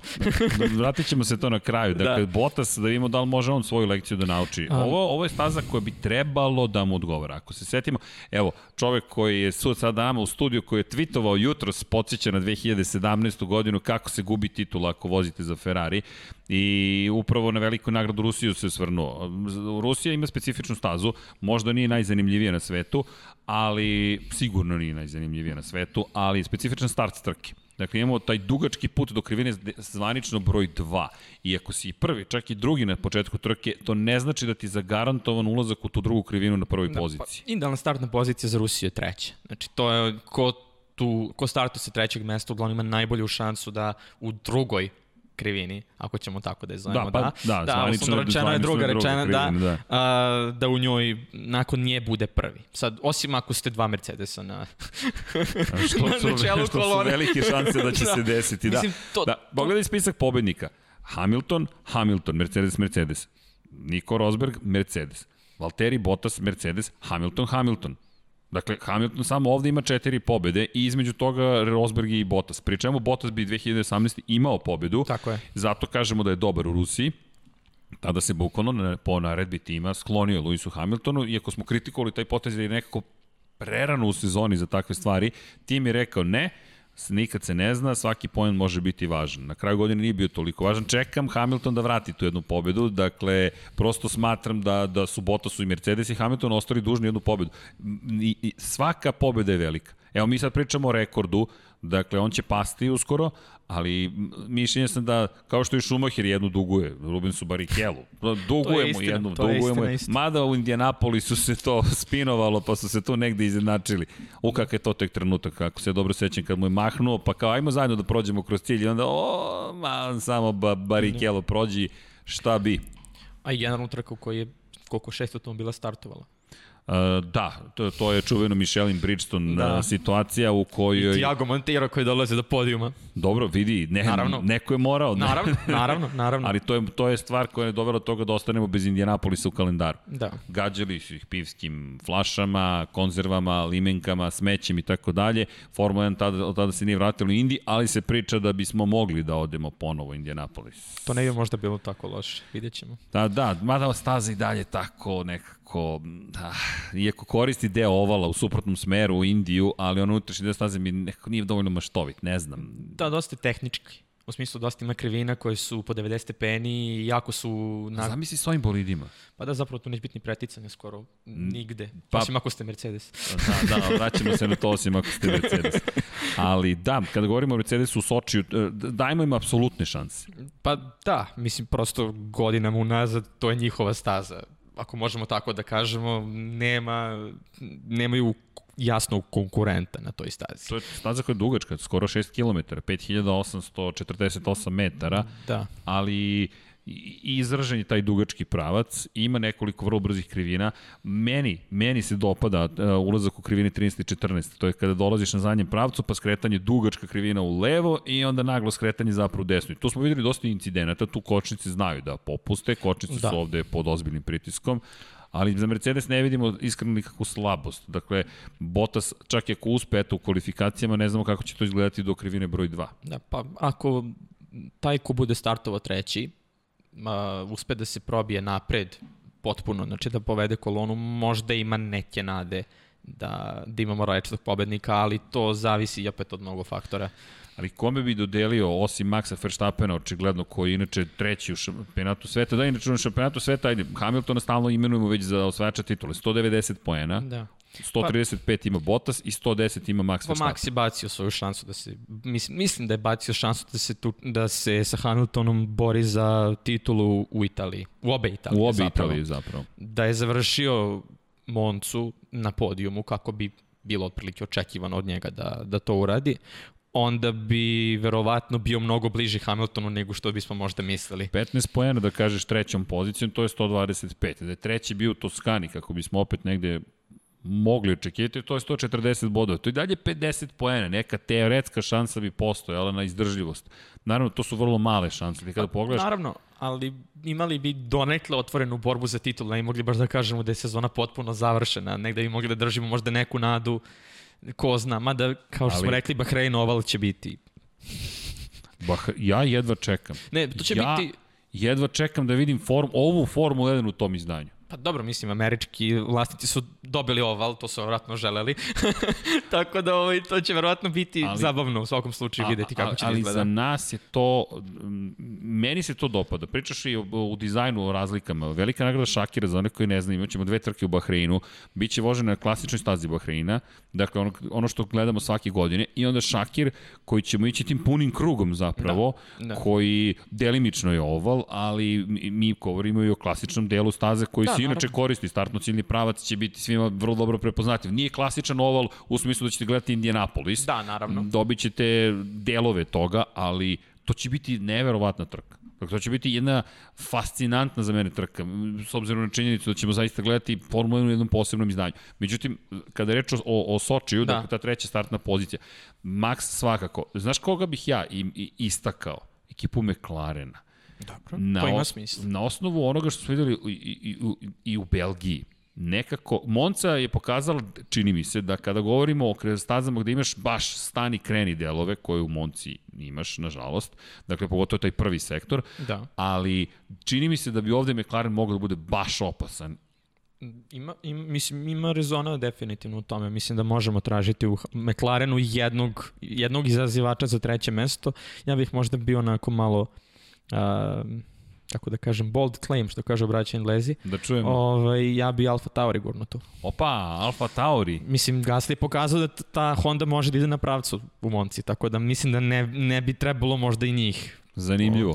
Pogotovo Očekivao što, sam Renault, iskreno, ali kad pogotovo se što, rekao pogotovo što, pogotovo što Danik ja, mislim, kod kuće je. Tako da, možda Dobro, će tu biti brzo. dodatnog motiva. Biće brzo, gotovo sigurno. Ne možeš nekako da računaš, da- samo da ne pravi greške, bilo je i grešaka u Rusiji. Pa, čuven, kako, čuveni. kako je nastao nadimak? Da, torpedo, za one koji ne znaju, posle incidenata u Kini i Rusiji. Da. je zapravo Danik Fjati dobio otkaz iz, iz, iz Red Bulla. Ali imamo Formulu 1 i po, kako smo od Miloša, ne mi, kako se sve više zove. Pa, Generalno zapravo. tako zovu svugde, mislim. Pa da. Formula 1 i Formula 1,5. Zašto? Pa zato što imate Mercedes koji u svojoj Formuli 1 i onda svi ostali su Formuli 1,5, čak i Verstappen u nekoj Formuli 1, Da, ali može se ta staviti. bitka, da, za četvrto mesto je velika, 65 poena za Landa Norisa, Alex Albon 63, pazi, to je samo 2 poena, 57 bodova za Lensa Strola, sve pohvale Kanadjaninu. Kanadjanin, kakav god da je utisak toga što je njegov otac vlasnik. Čovek je šesti u šampionatu sveta Pa Formule dobro, 1. mislim, on je osvojio, čini mi se isto Evropsku Formulu 3, tako da to nije, nije ni to lako osvojiti. Ne pada to tek tako, Da, dakle, naravno, ne dobijete naravno. titulu zato što ste se pojavili na stazi. Morate i dalje da pobedite i vozite. Tako je, tako je, tako je. Nije da sam neki preveliki ljubitelj Lensa Strola, ali mislim da je pokazao definitivno šta može i da može da bude konkurentan kada je to potrebno. Mislim, sećam se onih kvalifikaciju u Monci po kiši. Ok. Kad je, kad je dovezao, re, da ne znam da li je to bio Racing Point ili Williams. Williams, mislim da Williams je dovezao do drugog ili trećeg startnog mesta, mislim, što isto nije bilo lako tada uraditi. Da vidi, po, pokaza, svako ko tamo vozi je dobar vozač. Da, naravno. E sad, koliki je taj nivo kvaliteta u toj redkoj grupi vozača, to je nešto Da, sasvim drugo. naravno, naravno. Ali tu je, tu je iz Albona Daniel Ricardo 4 poena manje ima. Dakle, imaš Daniel Ricardo na sebe pozici, pa Charles Leclerc koji dalje nekim čudom nekim čudom u igri, ma da to tragično zvuči, Charles Leclerc je osmi u šampionatu za Ferrari. Ja No kao, comment. Ja kao navijač Ferrarija u osnovi, a, nisam baš naj...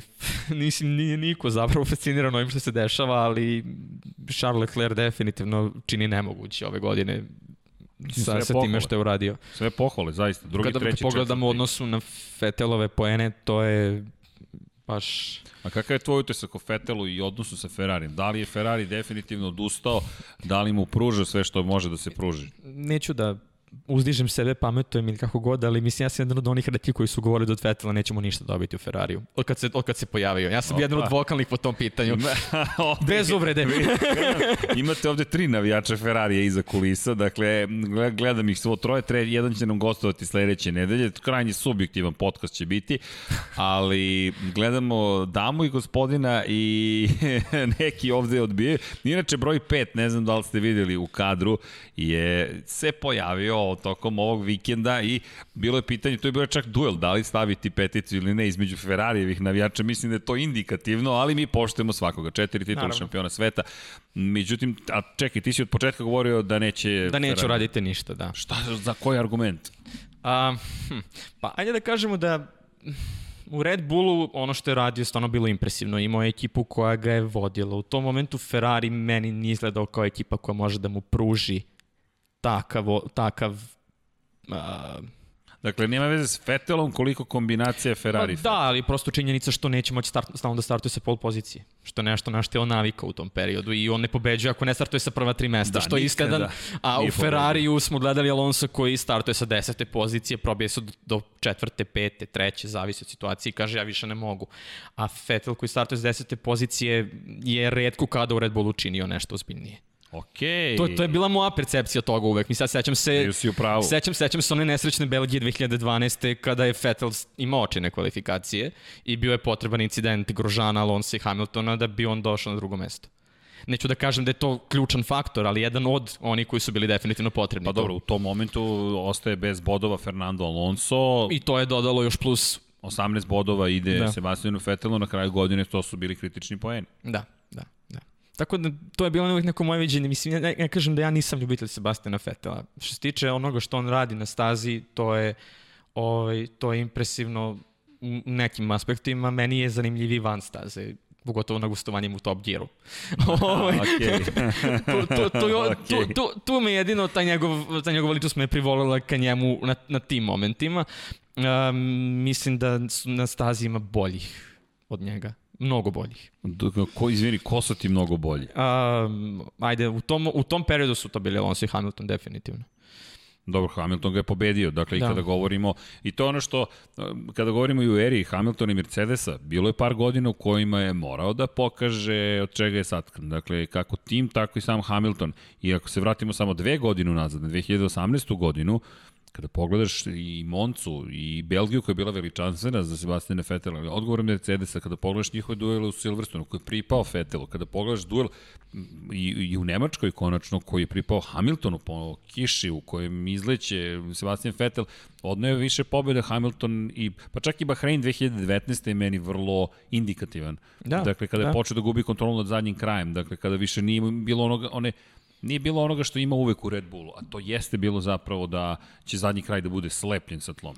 Apsolutno. Toga nije bilo. To teh, iz tehničke perspektive, ali ovo je fascinantno i to zaboravljamo da spomenem. Sebastian Vettel zaista nikada nije startovao sa niže pozicije od treće i A ne. došao do pobjede Tako je. u Formuli 1. Nikada.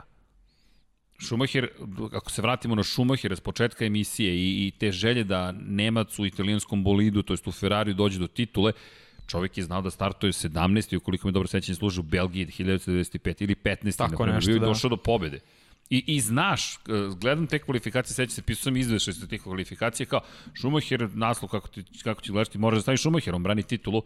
I ovako razmišljam, Ma ne, on će sutra pobediti, to je, to, je, to je već viđeno. E, to nam nedostaje. Dakle, kada pričamo o romantizaciji Formule 1, svakako je romantično posmatramo. Uvek ćemo posmatrati romantično Naravno. u nekom drugom periodu. Ali šta mislim da, da mnogo nedostaje? To je mogućnost da zaista imaš različite strategije. Pirelli su date, su vezane ruke. Dakle, Formula 1 kaže ovako ćete da pravite gume. Ali šta smo mogli da očekujemo od Schumachera tih godina? To je radio u Monaku, to je radio i u Belgiji Dva stajanja za Hila u, u Monaku, Schumacher jedno. Kako si ti to izveo? To sada više ne dobijamo. Vrlo redko da. dobijamo više od jednog stajanja. U Silverstonu smo ove godine videli kada gume nisu idealne, kako stvari mogu da izgledaju Naravno, drugačije. to je Toga nema. Da, to je potpuno drugačija percepcija bila. Mislim, ja, meni su uvijek bile najdraže te godine, 2010. 11. 12. kad smo zaista mogli da vidimo nekad i različite strategije i da neko proba drugačije nešto da uradi. Sjećam se Pola Direste, čini mi se u Kanadi. Ono kad je počeo sa nekog 16. mesta na tvrdim gumama i domogo se šestog mesta na potpuno drugačiju strategiju od svih ostalih. Force India je inače volela mnogo i da. dalje voli različite strategije. Uvek, uvek. I to je jedan od redkih timova, sada ne postoji više Racing Point, bit će Aston Martin, ali da ta nekonzervativnost zapravo Force India ono što je nekako mene privolilo tom timu. Suprotno konzervativnosti Ferrarija, na primjer. Da, koji, koji, ali Ferrari pravi mnogo grešaka. Dobro, slažem se ima i toga. Meni je uvek strategija bolna tačka, ja sam, meni je tu uvek bilo zabavan aspekt svih trka i onda sam ono uvek gledam kako Ferrari lošo, budem jao. dobro, nije vam bilo lako ovih godina, moram ti priznati. Pa dobro, ja sam nekako, što više se bavim, uslovno rečeno, tim mojim novinarstvom, ovaj, sam nekako, uh, neću kažem da se odstranio od navijanja, onako više sad sam došao u taj moment da imam samo ljubimce za koje gledam kako su završili trku. Nemam više taj moment da konkretno baš nešto, nekog sad jako mnogo podržavam. Jasno. Uh, raduje me par uh, Sainz Leclerc, to će biti vrlo zanimljivo. To što ja zovem par 5 do 5, pošto 16.55. Dobro, par čekaj, koje su ti očekivanja sada? Uh, pa, bit će ova, 2021. nemam očekivanja. Znači, tu, tu, tu sezonu treba samo u maniru tima Gloka preživeti. Dobro. A 2022. treba tražiti neš, neku šansu Ali ozbiljniju. njihov odnos, to mene zanima.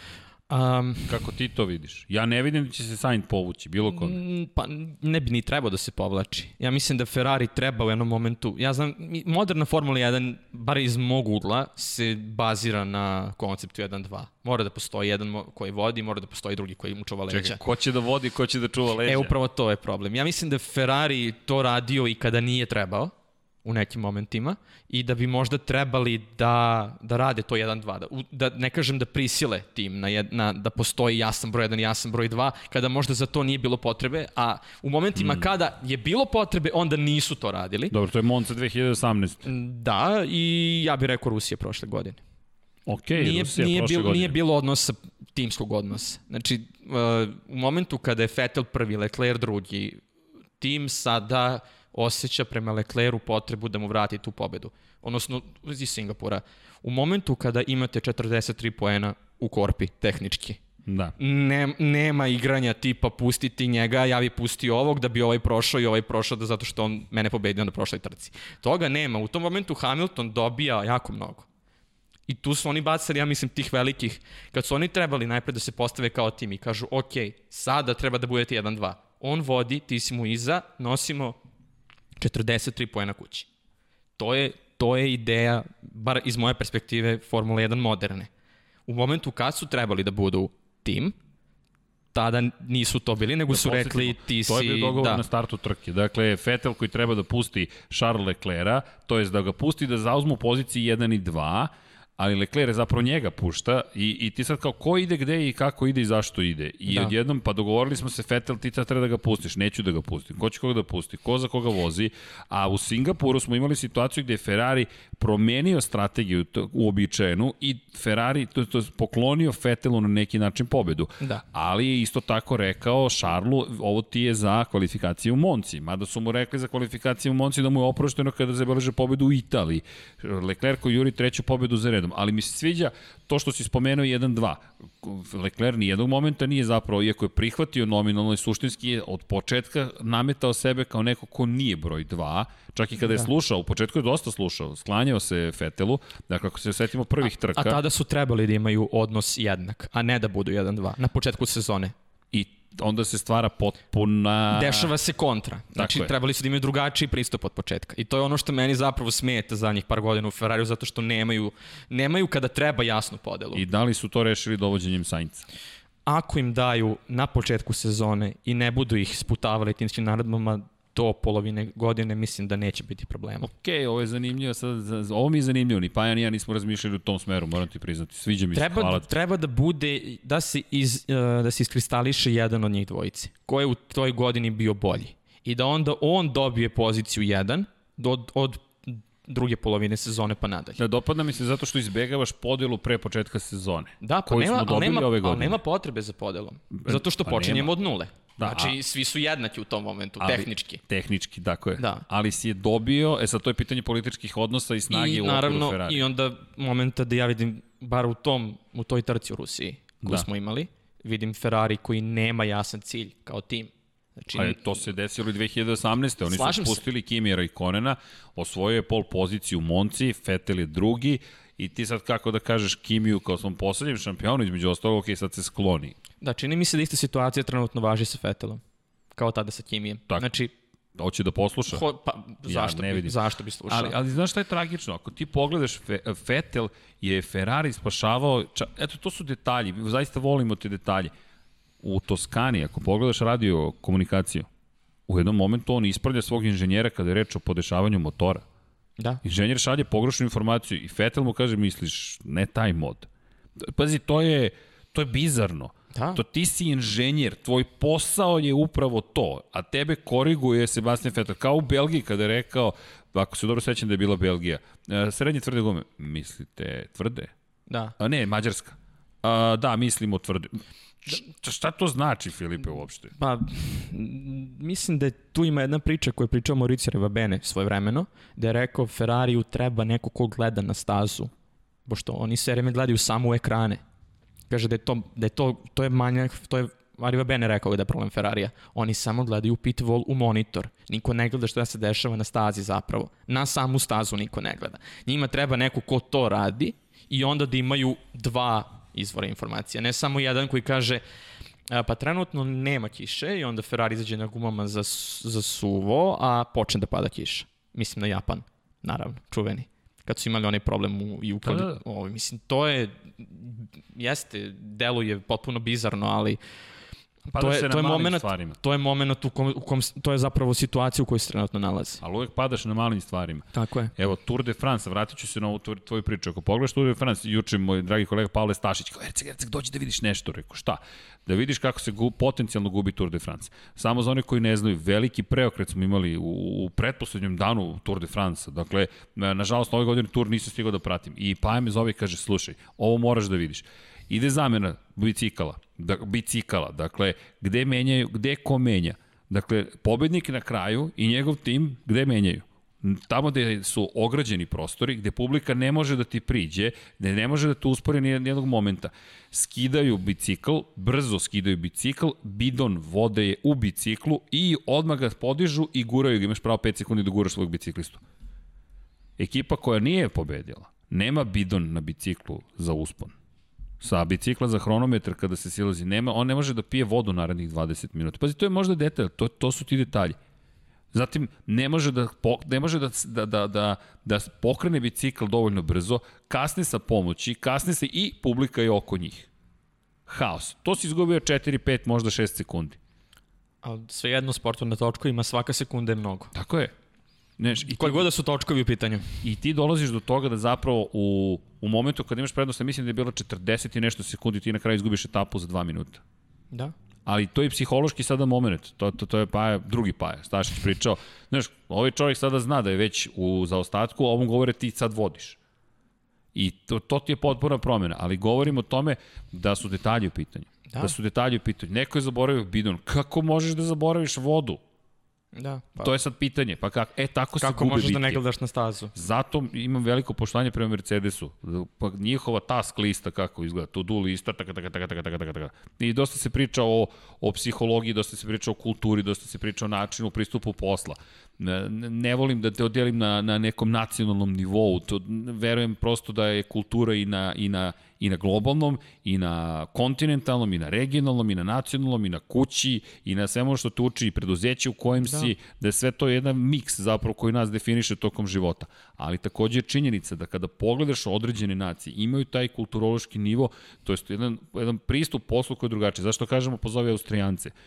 njihov menadžment, mene impresionira kako radi. Apsolutno. Da li bih ja mogao da budem takav? Teško. Ali sam impresioniran time kako organizuju svoj posao. I sad govorimo upravo o tome, to kod Ferrarija ne, postoji, ne postoji. Detalj koji da. ti spominješ je upravo, po mom mišljenju, upravo to. Da. Mm, ja ću sad opet jedan bold claim da dam, ali u principu mislim da Ferrariju treba Flavio Briatore. Okej. Okay. Neko ko će da kaže, okay. ej, izvini sad ti, ovaj je ispred tebe i ti sad moraš da ga pustiš. I to je sad u redu tako I nema da se diskusije. Vozi. I nema diskusije. I donose se odluke u sekundi, ne čeka se 15 sekundi na odluku. I znaš, to je ono što je problem. I znaš šta te čeka ukoliko to ne uradiš. Tako je. Mislim, Flavio Briatore je pričao isto, sad referencirat ću ponovo isti izvor, ali oficijalnom podcastu Formula 1 pitali su ga, kako je tebi, kako si ti kao neko ko je sa Benettonom Znači, to nije firma koja se bavi automobilima, to je firma koja se bavi modom, odnosno odećom. Kako ste vi došli do gde jeste? Kažem, pa nas su držali poslednje uvek ovaj, kod sudija na merenju, na kontrolisanju, na svemu, na svakoj trci. Svi odu, mi smo još tri sata, kaže, na merenju, traže nam falinku, samo da mogu da nam kažu da nam automobil nije legalan. Znači, taj čovek zna nešto on ume da vodi ekipu i, okay. i, i, da, i da zapravo na taj način okrene glave ljudi da kažu čekaj šta on zapravo radi što niko drugi ne radi. Mislim, Dobro, ali nije dao odgovor kako je on to izveo. Naravno, nije dao odgovor i zašto bi ga dao, nema potrebe da ga da, naravno, da. ali mislim da tako neka ličnost, ne mora da bude nužno on, ali tako neka ličnost treba trenutno Ferrariju. Da sedne na pit voli da kaže, ok, sada ovako radimo i nema, Jasne. nema diskusije. Ne, meni, meni ova situacija Tour de France zaista nisam ispratio, i, da. i, ali, ali kad ti neko skrene pažnju na takve stvari, pa ti sad skrećeš pažnju na ovakve stvari, to je ono što je po meni lepota upravo toga i, i, i života pa i sporta. Nekako sport uvek prenosim na život, ali nisam gledao, zaista. Samo sam dobio informaciju, e, znaš, Pogačar vodi Roglić je na drugoj poziciji. Okej. Okay šta se desilo, onda sedneš da analiziraš, isto tako Ferrari. Nešto što je dobijeno, ti praktično izgubiš. Da. Bidon. Opet eto. kažem, Rusija prošle godine kad smo već na Rusiji, to je blista primer toga. Da, ove godine ne, neće, ne verujem da će biti u toj poziciji. Dakle, ne. Da vraćaš na slepo na, na, na Rusiju. Mada bih ja dodao još jednu stvar, a to je, sad kad si ovo sve izgovorio, evo da ti parafraziram, ne mogu baš da citiram, po sećanju pričam, ali slušaj sad ovo izjavu. Dakle, neću imenovati ekipu ako možeš da pogodiš. Dakle, čudo jedno, pomislili biste da su naučili posle svih tih godina da treba da slušaju vozača, a ne samo da gledaju podatke i izgubitelji su vozača koji može da im da mnogo povratnih informacija. Reči jednog bivšeg svetskog šampiona. Pa može da ih bude više koji su to rekli. Pazi, ali, na, na dva točka da ti pomognem, ali Ducati. Aha. Casey Stoner i Ducati. Casey Stoner koji ne može da veruje da će pustiti Andreju Dovicioza. Dovicioza možda neće biti šampion. Svakako nije šampion poput Valentina Rossi ili Marka Marquez. Da, Nije taj vatreni šampion koga kad uđete u prostoriju svi gledaju njega harizmatično. Da, naravno ali dalje neverovatan vozač. Mada sad kako je vozio ove poslednje dve trke da pomisliš dobro. Neko je lepo to rekao, ne juri šampion, ne, Doviciozo ne juri titulu, titula juri njega. Pa da, svelo bi se na to. da, tako svelo bi se na to, verovatno. Ali Stoner šta je htio da kaže? Ducati isto tako. Gleda samo taj tehnički deo priče. Naravno da. morate koristiti podatke, niko pa, to ne sporava. Logično, to je isto sastavni deo moderne Formule 1 i prosto da bi se formirala i strategija, šta god potrebni su podaci. Tako je. Pa, ranije, nije da ranije nisu podaci korišćeni, samo ih je bilo manje, bilo ih je teže prikupiti. To je razlika. Da, i možda nisu baš toliko veliku ulogu imali kao što imaju danas. A, prosto nije bilo da. merenja. Znaš kako ja to posmatram? A, kako da se bavimo podacima kojih nismo zabeležili? Evo tvoj primjer s početka kako da izaberem nekog drugog iz tvoje ekipe za kacigu ako nije uradio, ako nije poslao rad. I ne da. kritikujem ih, samo konstatujem. Ne, ne, naravno, Znaš koliko puta ja nešto nisam uradio. E, zato što to nisi uradio, nešto se nije desilo. Da. I obrnuto, znam da sam uradio nešto u februaru i u oktobru se desilo. E, znate ono što ste pisali ili poslali u februaru? E, okej, okay, evo, sad se desilo. Super. pa da, ali sam nešto uradio. Da, naravno, naravno. To je, to je... Teo sam da se dotaknem samo Mercedesa na da. konto uh, razmišljanja i prosto vođenja tima i svega ostalog. Andy Cowell isto pričao kako je zapravo Australija 2014. prva trka hibridne ere, uh, Hamiltonu strada da. ovaj, Rosberg pobeđuje. Svećica mu je da, stradala. kaže, ja se penjem na podijum i ja i dalje razmišljam o Hamiltonovom autu. Meni nije bitno što je Rosberg pobedio u tom momentu pobeda, sad pobeda ko pobeda u ovom momentu, ja jedino što čemu ja mislim je šta je na tom autu nije radilo dobro, da je on mora da odustane. Znači, njima je u startu već 1-2, prosto izgubili, njima je to već problem. Prva trka sezone, znači ima ih još 19 do kraja godine. I već se razmišlja o tome šta moramo da uradimo da bismo rešili problem. Apsolutno, da a podijum, proslavljanje, veselo je sve, a čovek uopšte ne razmišlja o tome, razmišlja o automobilu koji sta u trci. I posle zašto su tu gde pa, jesu? Apsolutno. Mada mislim, Kaol odlazi. A dobro, odlazi, ali hoću da kažem, mislim, to je primer ponašanja ekipe, kako oni zapravo Absolutno. to rade. Mislim, to je, mislim da to ja sam pokazatelj pristupa Mercedesa. Dobro, kako čekaj, u, u zvezdanim ratovima ko bi onda bio na tom nivou? Ovo je tvoja knjiga koju si nam poklonio. da. Hvala ti. um, pa sad, uh, ko bi bio na nivou Mercedesa? pa da. Uh, da li postoji pa što je, pandan? Što je, naj, što je najgore, Ferrari bi, Ferrari bi bio imperija zato što imperija deluje moćno, a zapravo svi nesposobni na vrhu. ovaj, ok, nesposobni, zanimljivo, okay. Iako ovaj, ne bi to da kažem za svoj tim, ali prosto tako je šta je tu. Je. Tako da ne, ne znam ko bi bio Mercedes. Mercedes možda bio stara republika koja je bila on uvek na vrhu, uvek sve kako treba. I... Dobro, to je, to je, to je kompliment iz gikovske da. perspektive. da. Ozbiljan kompliment. Da, o, da, evo, Vanja, Vanja skače. Čekaj, šta je ovo? A, ovo je portal holonetsrbija.com, to je još jedan od sajtova na kom ja ovaj, sarađujem. A, posvećen je vestima iz domena Ratova zvezda. Čekaj, Radio Tatooine 202, šta je e, to? E, to je podcast. A, doduše, nije video, nema video ovaj, ediciju kao... Ja se pravim da ovaj, da ne znam. ovaj, već je samo audio, ali da, na svake dve nedelje snimamo, komentarišemo sve vesti iz sveta ratova zvezda, verovali ne, na dve nedelje ih ima baš dosta. Da, ima, ima vesti da se priča. Naravno da ima vesti da se priča, kako ne bi bilo vesti, ali Dakle, da, da ponovimo, holonetserbia.com. Tako je. Dakle, to je web sajt. Apsolutno vas promovišemo. Dakle, pogledajte Naravno. ko voli zvezdane ratove. Mi smo ovde u studiju na, na drugom kraju univerzuma. Preselili smo se na drugi kraj univerzuma. Tako je, tako je. Dakle, podržavamo sve. Ovo su lepe emocije. Hvala ti na, na predivnom da. poklonu. Knjiga kao, kao poklon da, uvek. Knjiga je specifična zato što je uh, izašla povodom 40. godišnjice epizode 4, odnosno prvog Star Wars filma. I uh, u skladu sa time u njoj ima 40 priča koje prate dešavanja koja se u tom momentu dešavaju paralelno sa filmom, ali nisu na samom filmu. Kaže iz određene perspektive. perspektive tako dakle, je. često pričamo o perspektivama da. i ovo jeste ta čuvena rečenica kada Luke Skywalker kaže Obi-Wan Kenobiju, lagao si me. What I told you was the truth from a, a certain, certain point, point of view. view. Tako da, da, stvari se posmatraju na različite načine i otud i naravno ta razlika u mišljenju. Meni se ovo dopada zato što taj ima jedan heterogeni pogled, heterogeni, heterogeni sve, de, de, nije sve isto, dajte da vidimo da. drugačije poglede. To mi služi podcast, dakle da, da i pričamo o, o drugačijim pogledima na stvari I kažem, moram da iskoristim priliku, prosto hvala. I ko Nema voli Zvezdan ratove, eto, radio Tatooine, ni manje, ni više, da. 202. pa 202, mislim, pa, naravno, Pandanina radio Beograd 202, ovaj. Ali radio Tatooine. Tatooine, da. I kako je na Tatooineu, je li vruće? Top, top.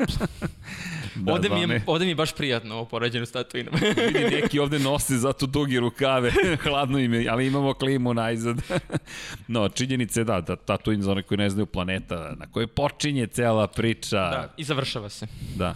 Mada imam tu neka pitanja, zašto pošalješ dete, na, to je na, u porodici a gde, gde je Anakin odrastao, ali okej, okay, da ne otvaramo tu tebu. Da se mi vratimo Rusiji. Da. Dakle, Rusija, ti si tipovo na Alfa Tauri da bi mogao da postigne dosta toga. Kada je reč o vestima, dakle, u ove prethodne dve nedelje više smo se bavili nekim drugim. Za mene DTM, za oni koji ne znaju, audio potvrdio da. da će ostati u DTM-u, to nismo spomenuli, a neophodno je. DTM, BMW, tu su nam. Dakle... Da, samo u malo drugačijem da, ruhu. Da, e to, i bit će privatnih ekipa mnogo više, to je da. koncept jeste zaslovan na privatnim timovima. Da, uh, u principu ideja DTM-a prosto nije više mogla da opstane s aspekta financija. Mercedes je prvi rekao, mi idemo prvo zato što to košta mnogo, drugo zato što To je, nije budućnost. Prvo, drugo zašto je, da, budućnost Budimo je realni. u Formuli E, gde su oni sada napravili dobre rezultate ove da. godine, da. uh, gde voze Stoffel Van Dorn i Nick De Vries.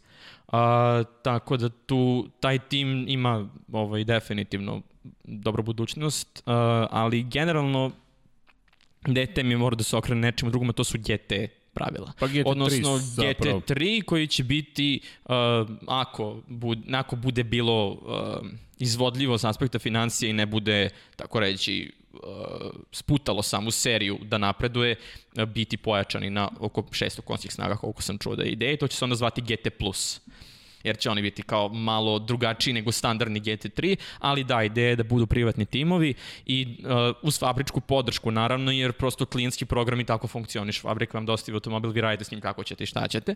Ali, ovaj, Imaš podršku fabrike? Da, naravno, ali generalno ideja je da to budu da. privatni timovi i da zapravo i svi ti ljudi koji su radili na DTM-u godinama unazad i svi ti vozači koji trenutno vozu DTM-u imaju uh, posla sledeće godine. Da, to je nešto čega se pribojamo. Ko će sve imati posao, Formula 1 koji smanjuje budžete, da. vidjet ćemo ko će gde preći, ali Formula 1 nekako ne brinem toliko. Činjenica je da... Pa ne bi trebalo, mislim da je samo mislim da je uh, smanjenje budžeta zapravo dobra stvar, zato što će dati manjim timovima možda malu jaču šansu da budu bliži. Veliki timovi će biti veliki timovi. Da, oni ostaju veliki timovi, ali mislim da će manji timovi moći možda da priđu malo bliže ok, kada već prilaze ti manji timovi, pazi sad šta se desilo, je Ferrari u problemu pa su ga ostali sustigli, ali Alfa Tauri se istegao kao tim koji bi mogao da se bori legitimno za treću poziciju. Renault nije mali tim. Renault, Renault nije malo, veliki da. Veliki tim.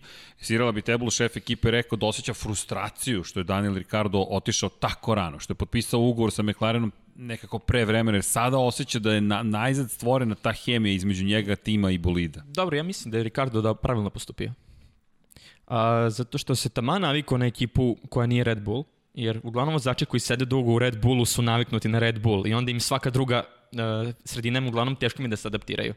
A Daniel Ricciardo se sad adaptirao na drugačiju sredinu, ide u McLaren koji će dobiti Mercedesove agregate i verovatno, mislim to je bar moje viđenje, bit će verovatno broj 1 tamo, uz uh, kako ja mislim da bi McLaren trebao da bi svemu tome, da bude mentor Lando Norrisu i da od njega zapravo onda njih dvojica zajedno rade, ali da usput Lando od njega uči da to onda na kraju krajeva bude neki tim koji je dosta dobar i da prosto mogu da grade budućnost na, na, na, to, na tom paru vozača. Mada kada pogledaš istoriju McLarena i, i sadašnje ponašanje McLarena, ja im skidam kapu. Carlos Sainz dobio potvrdu šefa ekipe. Dakle, da. rekao je, rekao je Zajdl, Andre Zajdl, šef tima je rekao, nećemo promeniti pristup prema Carlosu Sainzu i ne samo to, nećemo mu uskratiti pristup u napređenjima bolida. McLaren se bavi sobom. Da, dakle, i to je ono što mislim da bi neki timovi mogli da nauče od njih. Mnogi timovi mogli da nauče, timovi, da. da. A, pogotovo što je sada upravo ispostava McLaren na takozvani United Autosports pobedio na Le Manu takođe.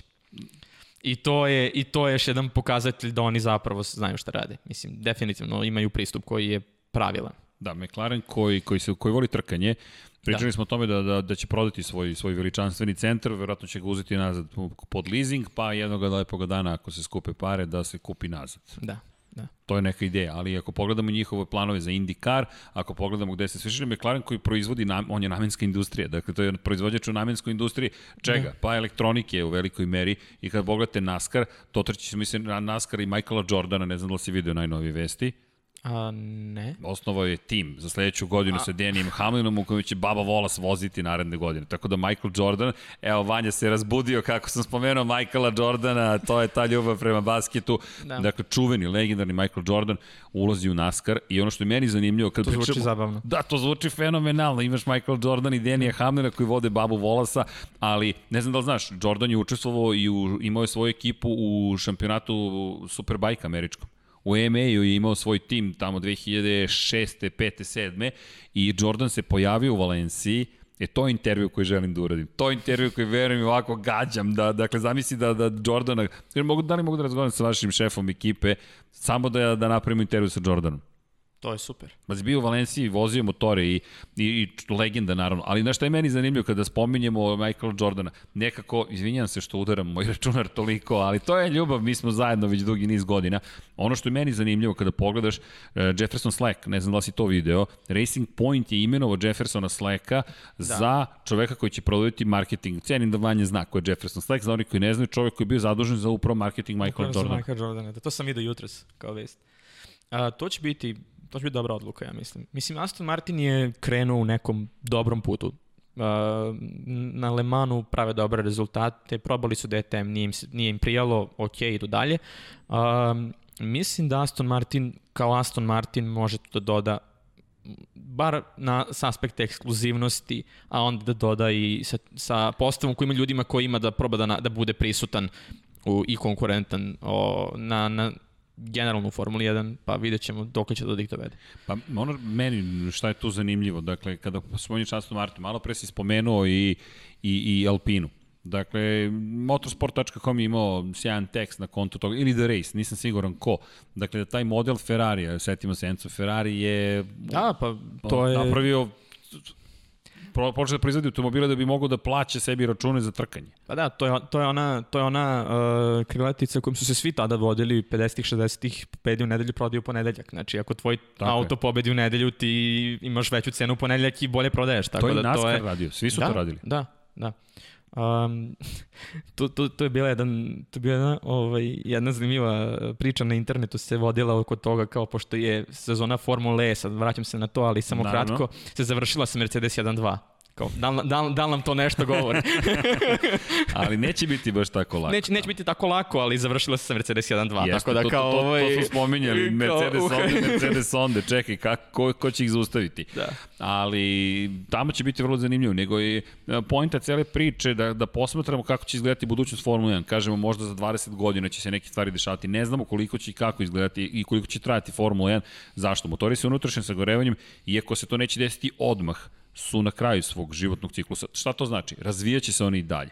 Živeće još dosta dugo. Međutim, kao na primjer, kada smo pričali o Microsoftovim akcijama, vi znate da je Microsoft prisutan sa svojim Windows operativnim sistemom i Office paketom svugde i da će još 30, 40, 50 godina ta kompanija i biti vrlo bogata i postojati. Ali kada pogledate u berzi, na berzi to ide ovako, taka, taka, taka, taka, taka, samo pada. Pada jer niko ne veruje da ima dužu budućnost. Sad što govorimo o nekom drugom pogledu na svet, to je nešto sasvim, sasvim drugo. Ali činjenica je da u tom momentu ti posmatraš Microsoft i kažeš ovo je dinosaurus koji će jednog dana samo prestati da postoji. Da. Nažalost, Formula 1 izgleda tako. Gde ja vidim spas, uslovno rečeno. Upravo u ovome što se čini mi se događa. Alpina dolazi, to je sportska robna marka. To je sportska robna marka, dakle to nije Renault koji da. kupite i kažete vozim Megana, na primjer, koji je super automobil, sve ok, ali ne, to sad će, će biti Alpina. Ferrari je Ferrari.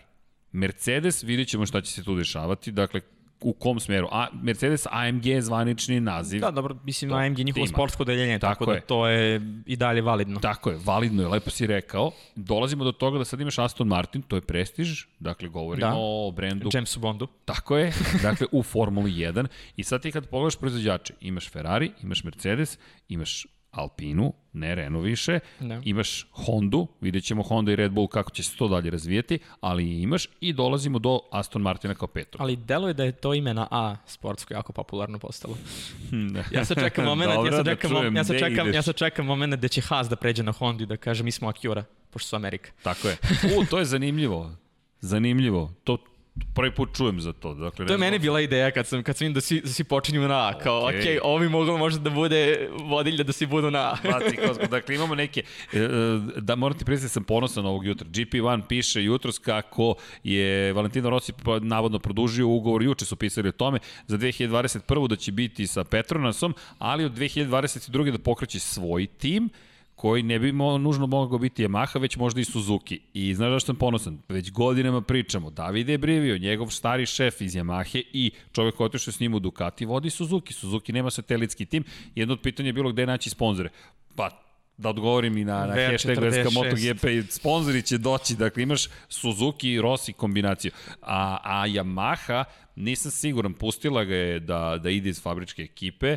Videli smo da Dani Pedrosa kada se završio svoju karijeru sa Hondom rekao odoh ja u KTM i postao jednom lice i to kakvo lice KTM-a, tako da je da. sve moguće. Što mi nadovezano, Akura, u Formuli 1. Ok, sviđa mi se ideja. Dakle, Filipe, ok, čuli ste prvi put sa, na Lab 76. Sa slovom A. Mislim, ako je slovo A, onda je to to. Mislim. Misi pisao ovome negde? Ne. Odlično, čuli ste prvi put na Lab 76.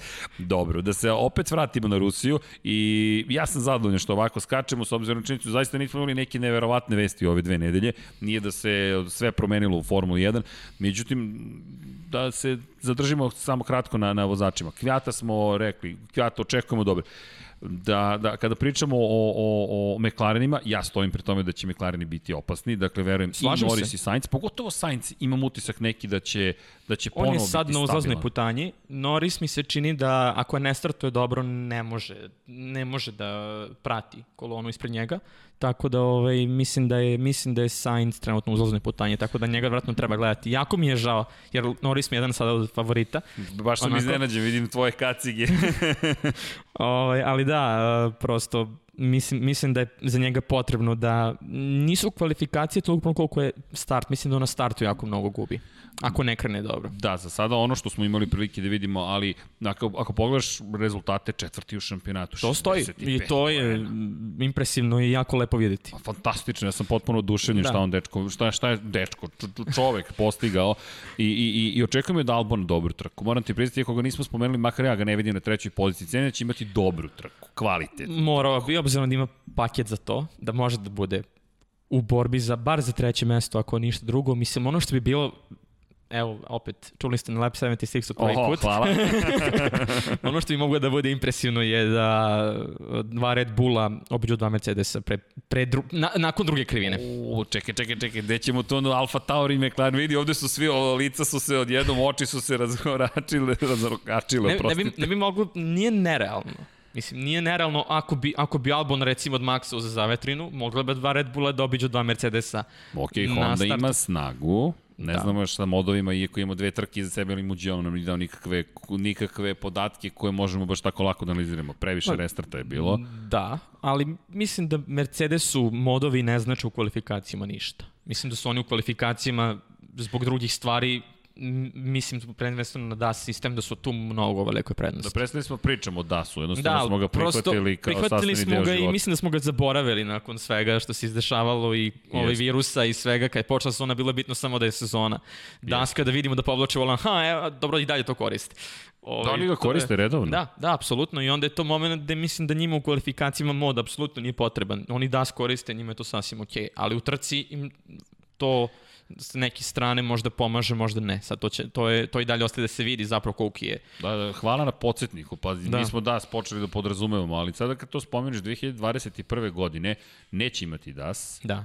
Dakle, možda će to biti taj još jedan moment koji bi mogao da poremeti stvari. Da, i 2021. neće moći da rade reverse engineering, što znači da gospoda iz Racing Pointa ne mogu da uzmu Mercedes od 2020. godine. Da, ali već smo videli neke nove slike i pripreme. Slažem se, slažem su... se, ali ne bi smeli baš potpuno da ga... Pa šta to znači za Sebastijana Fetela? Pa saznaćemo.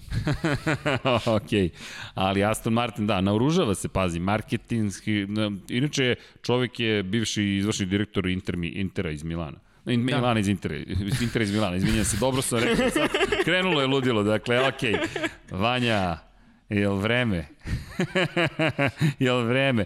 Dakle, činjenica je da, da, da ja makar uživam, Filipe, ne znam kako je tebi. Takođe. Što se mene tiče, možemo da snimamo i snimamo, ali trebalo bi da privodimo stvari kraju, mada ja se nadam da ćeš nam doći ponovo. I ja se nadam. I, Kako, i, kako posao bude dopuštao, naravno, od toga zavisi. da, Fakultet je propisao raspored, tako da toga moramo da se držimo. fakultet, ti si na fakultetu. da. Ok, ga, gasi kamere, Vanja, gasi svetlo, ja ću da zaključam studiju i da idem, a vi studenti dalje svojim putem. Ali da, to je, ali, ali još jednom, od onoga od čega smo počeli, dakle, studiraš, radiš, entuzijasta si, došao si ovde, odvojio si svoje vreme, hvala ti na tome. Zaista sam Nema pre, na čemu, pre zahvalan. meni je isto čast što sam ovde i drago mi je što sam ovde. Hvala ti. Ali ovo je, i ovo je jedna od, od onih stvari koje smo ih želili, dakle da, da ne samo pričamo o Formuli 1, to se podrazumeva, i o MotoGP-u, svemu što ima točkove i motore, već i da predstavljamo i, i ne samo predstavljamo, predstavljamo ljude koji su sa ovih prostora koji rade nevjerojatne stvari. Evo Vanja je iskoristio nešto što si radi za Formulu E Da, ovo je isto samo, evo, ovo je sad baš, uh, mislim, u forum, PowerPoint. Da, for, uh, forum koji smo već pomenuli, ove, ideja je bila da se dizajnira za kako bi moglo da izgleda ako bi neki novi tim došao u formuli, da se predloži koji bi to novi tim mogo da bude, zavisno od proizvođača. Voliš Um, kafu? um, I ovo je jedan od mojih, ovaj, ovo je jedan od mojih uh, predloga bio i vjerojatno jedan od najlepših koje sam uradio generalno. Ovaj, kada gledam sve dizajnove koje sam radio. Zato Dobro. što je, evo, ima, ima, ima, to, ima tu raz, različitu boju, što sam pričao. Da, pa pr, da, apropo, ti ne, ne piješ kafu, ovo mi je neka boja kafe. Mo- Možda slabo vidim danas. Ne, ima previše sive. Nije to kafe. Hvala Vanja. Daltonista sam ovog jutra, ovo je neka teget boja. Da, teget boja je u pitanju. Teget sivo i pink. Ok, teget sivo i pink. Bez pink nema više, nema, nema moto trkanja bez pink. Da. okay. A dobro, to je, to je nova boja za trkanje, mislim. Hteli ne hteli, I- eto je. Jesi video, mada ćemo to pričati verovatno i u podcastu posvećenom Moto Grand Prix, da li si video kako lep potez je, je, je izvio Johnny Rea? Dakle, Zanu Karasko, kakav je on šampion. Dakle, čovjek je obukao majicu drive, Ride like, like a girl. Dakle, Ana je na, devojka koja je osvojila titulu u Supersportu 300 kubika šampionatu i, i, i, i često se pričalo, Jack Miller imao neke besmislene izjave na konto muškaraca i žena i ko bi trebalo da vozi ili ne. Ja, ja ne, Neka ne, pogleda Le Mans koji se vozio za vikend. Bravo, sve ženska ekipa i to kako su devojke vozile. Dve ženske ekipe, obe devete u svojoj klasi, ova prva je bila 13. ukupno, tako da to je, ako to nije impresivno, onda ne znam šta je. Da, da, rado ću da vodim kao te devojke, dakle, često potpadamo po te lake stereotipe, ne ovde, Da. da. ne u studiju na kraju univerzuma, gde god da smo, dakle, svaka mu čast, obukao je majicu i, i pokazao kakav je, kak, Tako je, kakav je on tako je. šampion. Dakle, ja sam potpuno, svi su veliki šampioni, ne navijem za Johnny Reju, volao bih da smo ga videli u MotoGP-u, ali kada pogledaš kako je, kakvu poruku je on poslao, pff, oduševljen sam potpuno. Ali da se Da. da. vratimo, uh, Pink Boy, dakle, hvala Vanja za ovaj dizajn.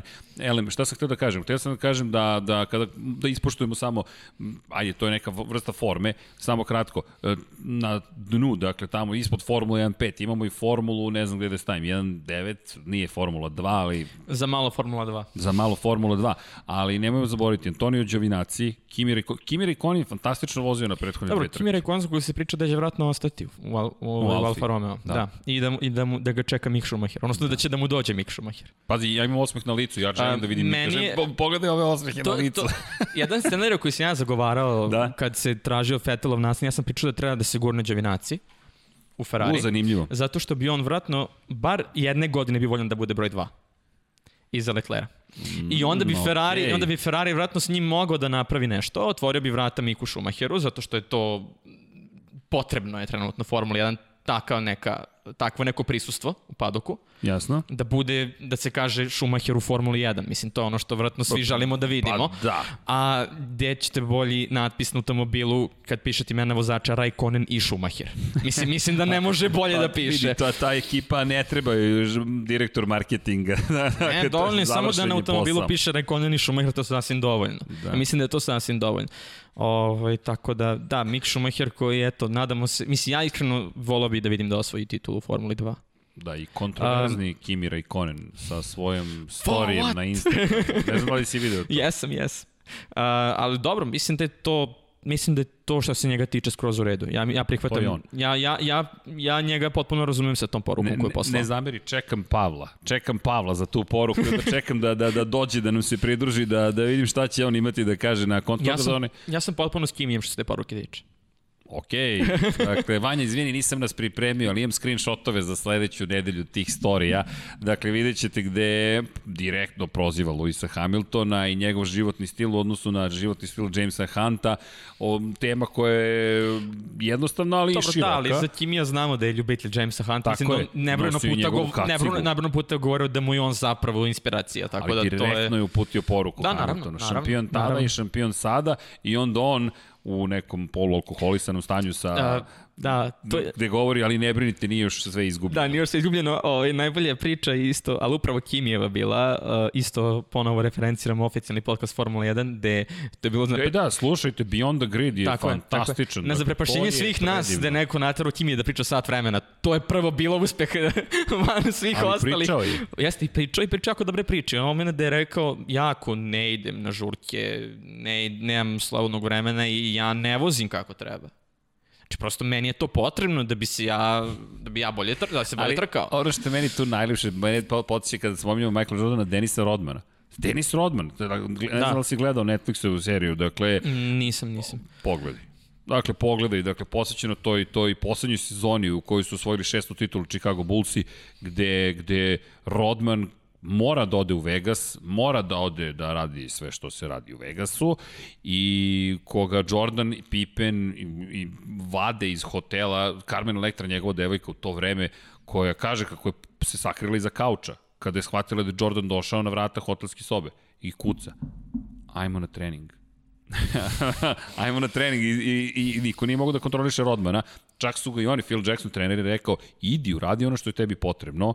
I onda, vo- i ja, ja razumem Kimija. Da li se slažem s njim za prozivanje Hamiltona, nemam predstavu kakav je njihov odnos na ličnom nivou, da li postoji ili ne. Mislim da nije baš. Deluje mi da ne postoji. Ne. Ovo će, ovo je interesantno. Ne mogu, ja više volim da se ne bavim drugima, tako da, Da. meni to, eh, Pa moderna malo- Formula 1 je tu malo, us- nema tog momenta druženja između vozača, ako ne računamo virtualno trkanje koje smo gledali u periodu ovaj, Ok, jesmo, gledali smo. pandemija, ali uh, kada pogledamo, mislim da je to isto neko od ovih mladih priča kad, kad su se vozili i kad su se trkali u kartnizima i nižim formulama, uvek su svi zajedno bili, uvek su svi zajedno putovali, uvek su svi zajedno družili. Onda se setimo, opet vratit ću se na 60. godine Formula 1, kada ceo tim putuje zajedno, idu zajedno na godišnji odmor, idu zajedno svugde, porodično. Uh, mislim da je to priča baš Damon Hill, ovaj, kaže ja sam sve trke presedeo u, u prostoriji gde su žene vozača. Zato što sve one idu. To, to je sve bio familijarni poduhvat. A dobro, to ti kao NASCAR i dan danas. Da, apsolutno. Pa NASCAR ima te momente koje... Ti gledaš decu koje koje, su da. zapravo u, u prikolicama. Da, da, da. To je taj moment koji, koji je od tog starog perioda ostao zapravo. Ali A- su isto tako znali da i kako da se, da se bore na stazi. Da, naravno, to stoji. Mislim, na stazi su rivali van staze, mislim, mislim da su baš pričali da je Damon Hill i Jim Clark nisu uvek bili baš najboljim odnosima, dok nisu zajedno bili u Lotusu. Ali su se vreme zbog Colina Chapmana putovali zajedno. I onda su se družili, prosto družili su se. To je, to je bila situacija koja je bila između njih, tako da. Da, ali ti kada govorimo danas, danas imaš neku Da, drugu danas, vrstu... da, naravno, kažem, drugačije, je u odnosu. svet. Da. Ja samo ne bih volao da opet vraćamo se to nostalgija. Nekom prija ovo, nekom prija Da, nešto naravno. drugo. I, ali ok, meni je zanimljivo da vidim i odgovor Luisa Hamiltona i da vidim kako će biti na stazi. Dakle, to ono što mene sad zanima, ali Kimi koji redko tako nešto radi je to učinio, pa kao Čeka nas neminovno okay. bilaženje za krug, verovatno, u nekom trenutku, tako da vidjet ćemo. laganih, a u Šakiru, to je Bahreinu za dva. E, Da. Da, to, to je, ali čudno, čudno je to bilo iz perspektive Kimira i Konena. Mi čudno, možda i nije toliko iznenađujuće. Mada Kimi, sam- ist, imao je Kimi slične prozivke, uslovno rečeno Hamiltona i ranije, sad neću da ih imenujem, pošto ima, ima zanimljivih reči u njima, ali u principu, ajde da... Ali Nastavio je negde. Bilo, bilo je toga i ranije, da. Dobro. Nisam pratio Kimija toliko na Instagramu, priznajem. To je propust. Ne, ne, ne, to je bilo još davno, davno. Mislim, ono u periodu kad se Hamilton pojavio, Kad se recimo, pojavio, da, tada je bilo- 8-9, recimo, tada su se isto aha, prozivali ne, na se razne. prozivali, ali to je nešto drugo. Dakle, nego se misli da, da, da govoriš direktno o ovakvoj prozivci. Da, da, da, u, baš taj, baš taj pristup, baš taj pristup prozivke je bio. Ali- I tada. Da, da, da, da, da, ali nije bio na ovom nivou da nisu, dakle, kada govoriš o izjavama u medijima... Aha, dobro, da, nije toliko bilo medijski propraćeno kao danas, to je nešto drugo, to, da. Ne, ali ne samo to, ovo je lično. Ovo da. je, a, moj utisak je drugačiji. Jedno je konferencija za medije. Dobro, Jedno je kad te ne, novinar pita i ti odgovaraš na pitanje. Drugo je kad izađeš na svoj Instagram profil, na svoju društvenu mrežu i ničim izazvano kažeš evo je prozivka. To je ono što je moj utisak. Ne zato što, jer vidi, na, nažalost mi, mi, mi novinari znamo tako ponekad da nastupimo u potrezi za, za naslovima skandalozno i da, po, da navučemo praktično nekoga ukoliko želimo da da neku kontroverznu izjavu. Pa ti da, pitaš naravno. planski Kimira i Konen nešto i on će ti dati određeni odgovor. Ili iskoristiš priliku kada je ljut na nekoga da ga pitaš. Ali ovo je između dve trke. Da. Nema nikakvih izjava ni s jedne ni s druge strane. Jednom osvane neka, neki story na Instagramu gde on govori o tome da kakvi su bili šampioni tada i sada i direktno kritikuje Luisa, proziva Luisa Hamiltona i onda još kaže ne brinite nije još uvek sve izgubljeno. Da. Znaš, to, to, to još nisam video. Da. To je ono što mi, jer ne, ne spominjem sad to, ako pogledaš šta su Alonso i Hamilton govorili jedan drugome. A dobro, to je nešto drugo. A, e sad, upra, ali upravo to, sad zamisli da. u ovom momentu odjednom Alonso izbaci story na kojem kaže Hamilton, impliciram da je da, manje da, vredan jasno. šampion. Što je meni utisak? To je da rad što se radujem paru Ricardo i, Ricardo i, i Norris konferencije za štampu s njima dvojicom će biti presmešne. To je nešto što ćemo vratno svi uživati, imat ćemo šta da vidimo. Ja, mene to sad zanima taj odnos. Znaš, sve je smešno, ha, ha, ha, i onda dođemo na stazu i... Dobro, na stazi to neće biti, verovatno biti? tako, ali van staze će biti zanimljivo, ja mislim, s njima dvojicom. Pa već baš. jeste, kada pogledaš, oni već da, sada, već sada se, rade? Već sada se šale međusobno, tako da to je... Blago rečeno se da. šale. da. Dakle, to je, to je, ali meni se dopada ta vrsta humora, to je tipično britansko-australijski da. E, kombinacija humora, tako da jedva čekam ja da ih vidim, ali da čekam da vidim kako će se to odraziti na njihovo ponašanje na stazi i da završimo sa stazom. Da spomenemo Williams. Meni i dalje snažan da. utisak to što Williamsa nema više. Dakle, u familijarnom, familijarnom vođenju. Da, sve, sve razumem šta se desilo da, i, i kako smo završili tu gde smo završili, ali znaš, era je završena, za malo Istorija dosta... je ostala a. iza njih, a sada je neka nova, neki novi korak su napravili. I šta ti misliš, sačuvati ime Williams ili ići dalje u neku drugu pa, budućnost? Pa, sačuvati ga za, samo zato da bi ostalo u Formuli 1. Mislim da to je vredno toga. Mislim da, mislim da ne bi imalo smisla baciti tek tako taj Williams kao ime ja van Formule 1. I... Pa ja isto mislim, uh, sad jedino možda dovesti još neki brend uz njih koji bi možda mogao da im bude kao, kao što je bio Martini Williams, recimo. Znači da imamo neki... BMW Williams. Ili BMW to bi bilo idealno. Ne kažem Ove, da se ovaj, to dešava, niti znam da, bilo što o tome. Bilo, bilo bi super videti tako nešto, ali mislim da nije u ovom momentu... Ma nije realno. Nije realno, ali bi, ali bi to bilo rešenje za to da Williams kao ime ostane, ali da ne bude to baš Williams Williams pre se, nego da bude uz neko ime brenda uz, uh, uz to Williams. Svakako im držim palče da dođu do poena. Dakle, kao što je, da, izvini. izvini. Ovaj, kao što je njihov uh, e-sports team pobedio na Le Manu, tad su se zvali Rebellion Williams. Tako da Jest. možda taj Rebellion brand koji je sad, koliko sam čuo, napušta trk izdržljivosti, ko zna šta tu sve može da se izdešava. Ne vredi, ne može čovjek bez Star Warsa, može onda izađe iz galaksije svoje, ali vratit će se u istu, dakle, za one koji ne znaju, Rebelli, Rebels ili ti pobunjenici, da Jesi ti pobunjenik ili ne, ja si... Sam, ja sam, ja sam s one strane. Opa, nismo znali. Dakle, galaktičko carstvo. Apsolutno. Pa, dakle, adekvatan je adekvatan moment. Sjajno. Filipe, možemo mi još mnogo da pričamo, ali hajde da se polako spremimo za trku koja je pred nama. Imali smo pauzu, 7 dana. Tako je. To je sad postala pauza, dakle da nemamo trku, to je vikend za vikendom trke. Uh mhm. -huh. Vanja, koliko trajemo?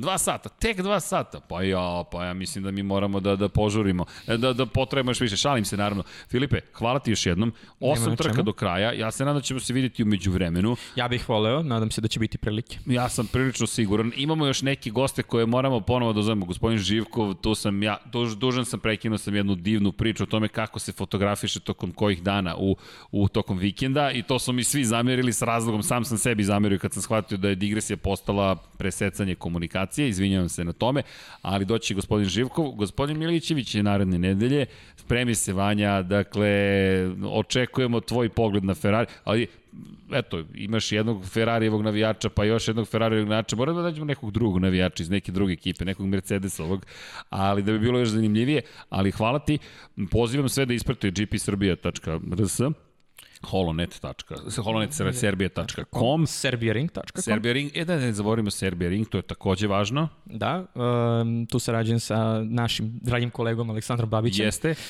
sa kojim Mogli sam bismo Jacu da zovemo. sa kojim sam bio na mnogim trkama i jako mi je drago što sam imao tu priliku. Ovaj, mislim, Podsjećaš, e me, sad- jedan od komentara e sad- je bio da zovemo Acu E sad, Babića. ono što sam hteo da, ga kažem, zovem. eto sad, eto, mani idealna prilika, ovaj, komentatori kao tema, eto, samo za kraj, Dobro, kratko. udri. A, je jedan meni su, makar. meni, su, meni su komentatori uvijek bili jako ključan element i uvijek sam voleo da slušam šta zapravo ljudi imaju da pričaju. I sad, eto, ja sam ta generacija koja je odrasla uz njegove komentare Formule 1. Sad ima neka druga generacija koja je odrasla uz vaše komentare Formule 1. Da, to je zanimljivo, Ali, to mi ovaj, nije palo na pamet. Ali mislim da je zapravo ideja u tome da, eto, moja cela as- fascinacija svim tim je došla upravo od komentatora, odnosno od, jednih, od, od njega, pa onda posle i od tebe i palje. Ali, okej, A, tako da čekaj, tehnički- čekaj, sad si mi dao div... Ja, kako će ovo biti divna priča, moramo da zovemo gospodina Babića. Um, da, trebalo. Mislim, bilo bi, bilo bi lepo. Ne brini, razumem poruku, vidi, i bilo je komentara. A, ne, ali ne, generalno, nije, nije, nemam, ne impliciram uopšte da, da, da to mora da bude, nego hoću da kažem prosto ja sam generacija koja je odrasla uz, uz, njegove komentare i zbog toga se možda zainteresovala Pa, Filipe, da sad si mi radi ovo. romantičnu priču, meni je ovo divno. Dakle, nažalost, ne možemo da zovemo i Veljka Petrovića, nije više sa nama. Rekli smo da ćemo do kraja godine smisliti način da biramo i najboljeg vozača po našem mišljenju koji ćemo nazvati trofej Veljka Petrovića, čisto zato što eto, neko to uradi i onda to postane deo stvarnosti. To smo mi sebi dali za pravo da uradimo, ukoliko se naravno nadam se i porodica bude složila, ali činjenica je da se radi o legendama. I Naravno, jeste, naravno. jeste, Ace je radio Ali- do dugi niz godina. Tako da nije isključeno da sad, eto Lupiću, neki Filip Đorđević ne sedi, sluša vaše komentare i misli, e mogu bi ja da se bavim time. Dok je bez posla, čekajte ljudi, ne, ne, gasi ne, ne, Vanja. ne, ne, ne, ne posla, nego prosto da neko bude inspirisan da počne da radi ovo slično što sam ja radio. Pa Mislim, da, ali to jeste poenta, dakle ti inspiriši nekog drugog. Danas se smo mi nekoga inspirisali, da idemo u Apsolutno, krug. da. A iseći ćemo ovaj deo, neće ovo ići kod šefa tamo na sport klub.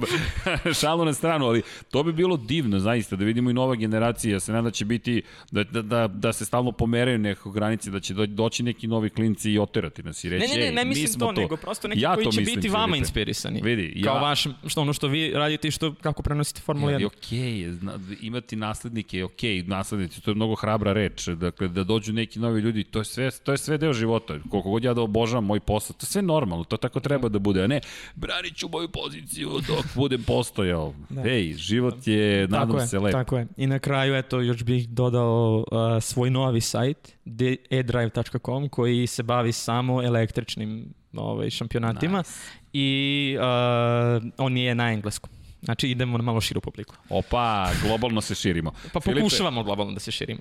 Pa to je okej, okay. evo mi ćemo vas podržati edrive.com, dakle imaš punu podršku od ekipe Lab 76, cijelog Infinity Lighthouse-a. Hvala.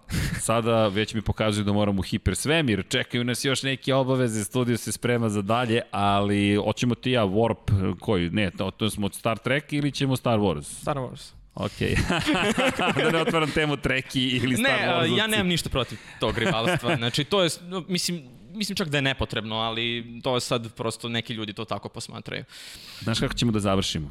Pazi sad ovo. Vanja, sad gađaju, ja se nadam da, o, pa posle Božeš i u posle i u montaži. Čuj, pančit.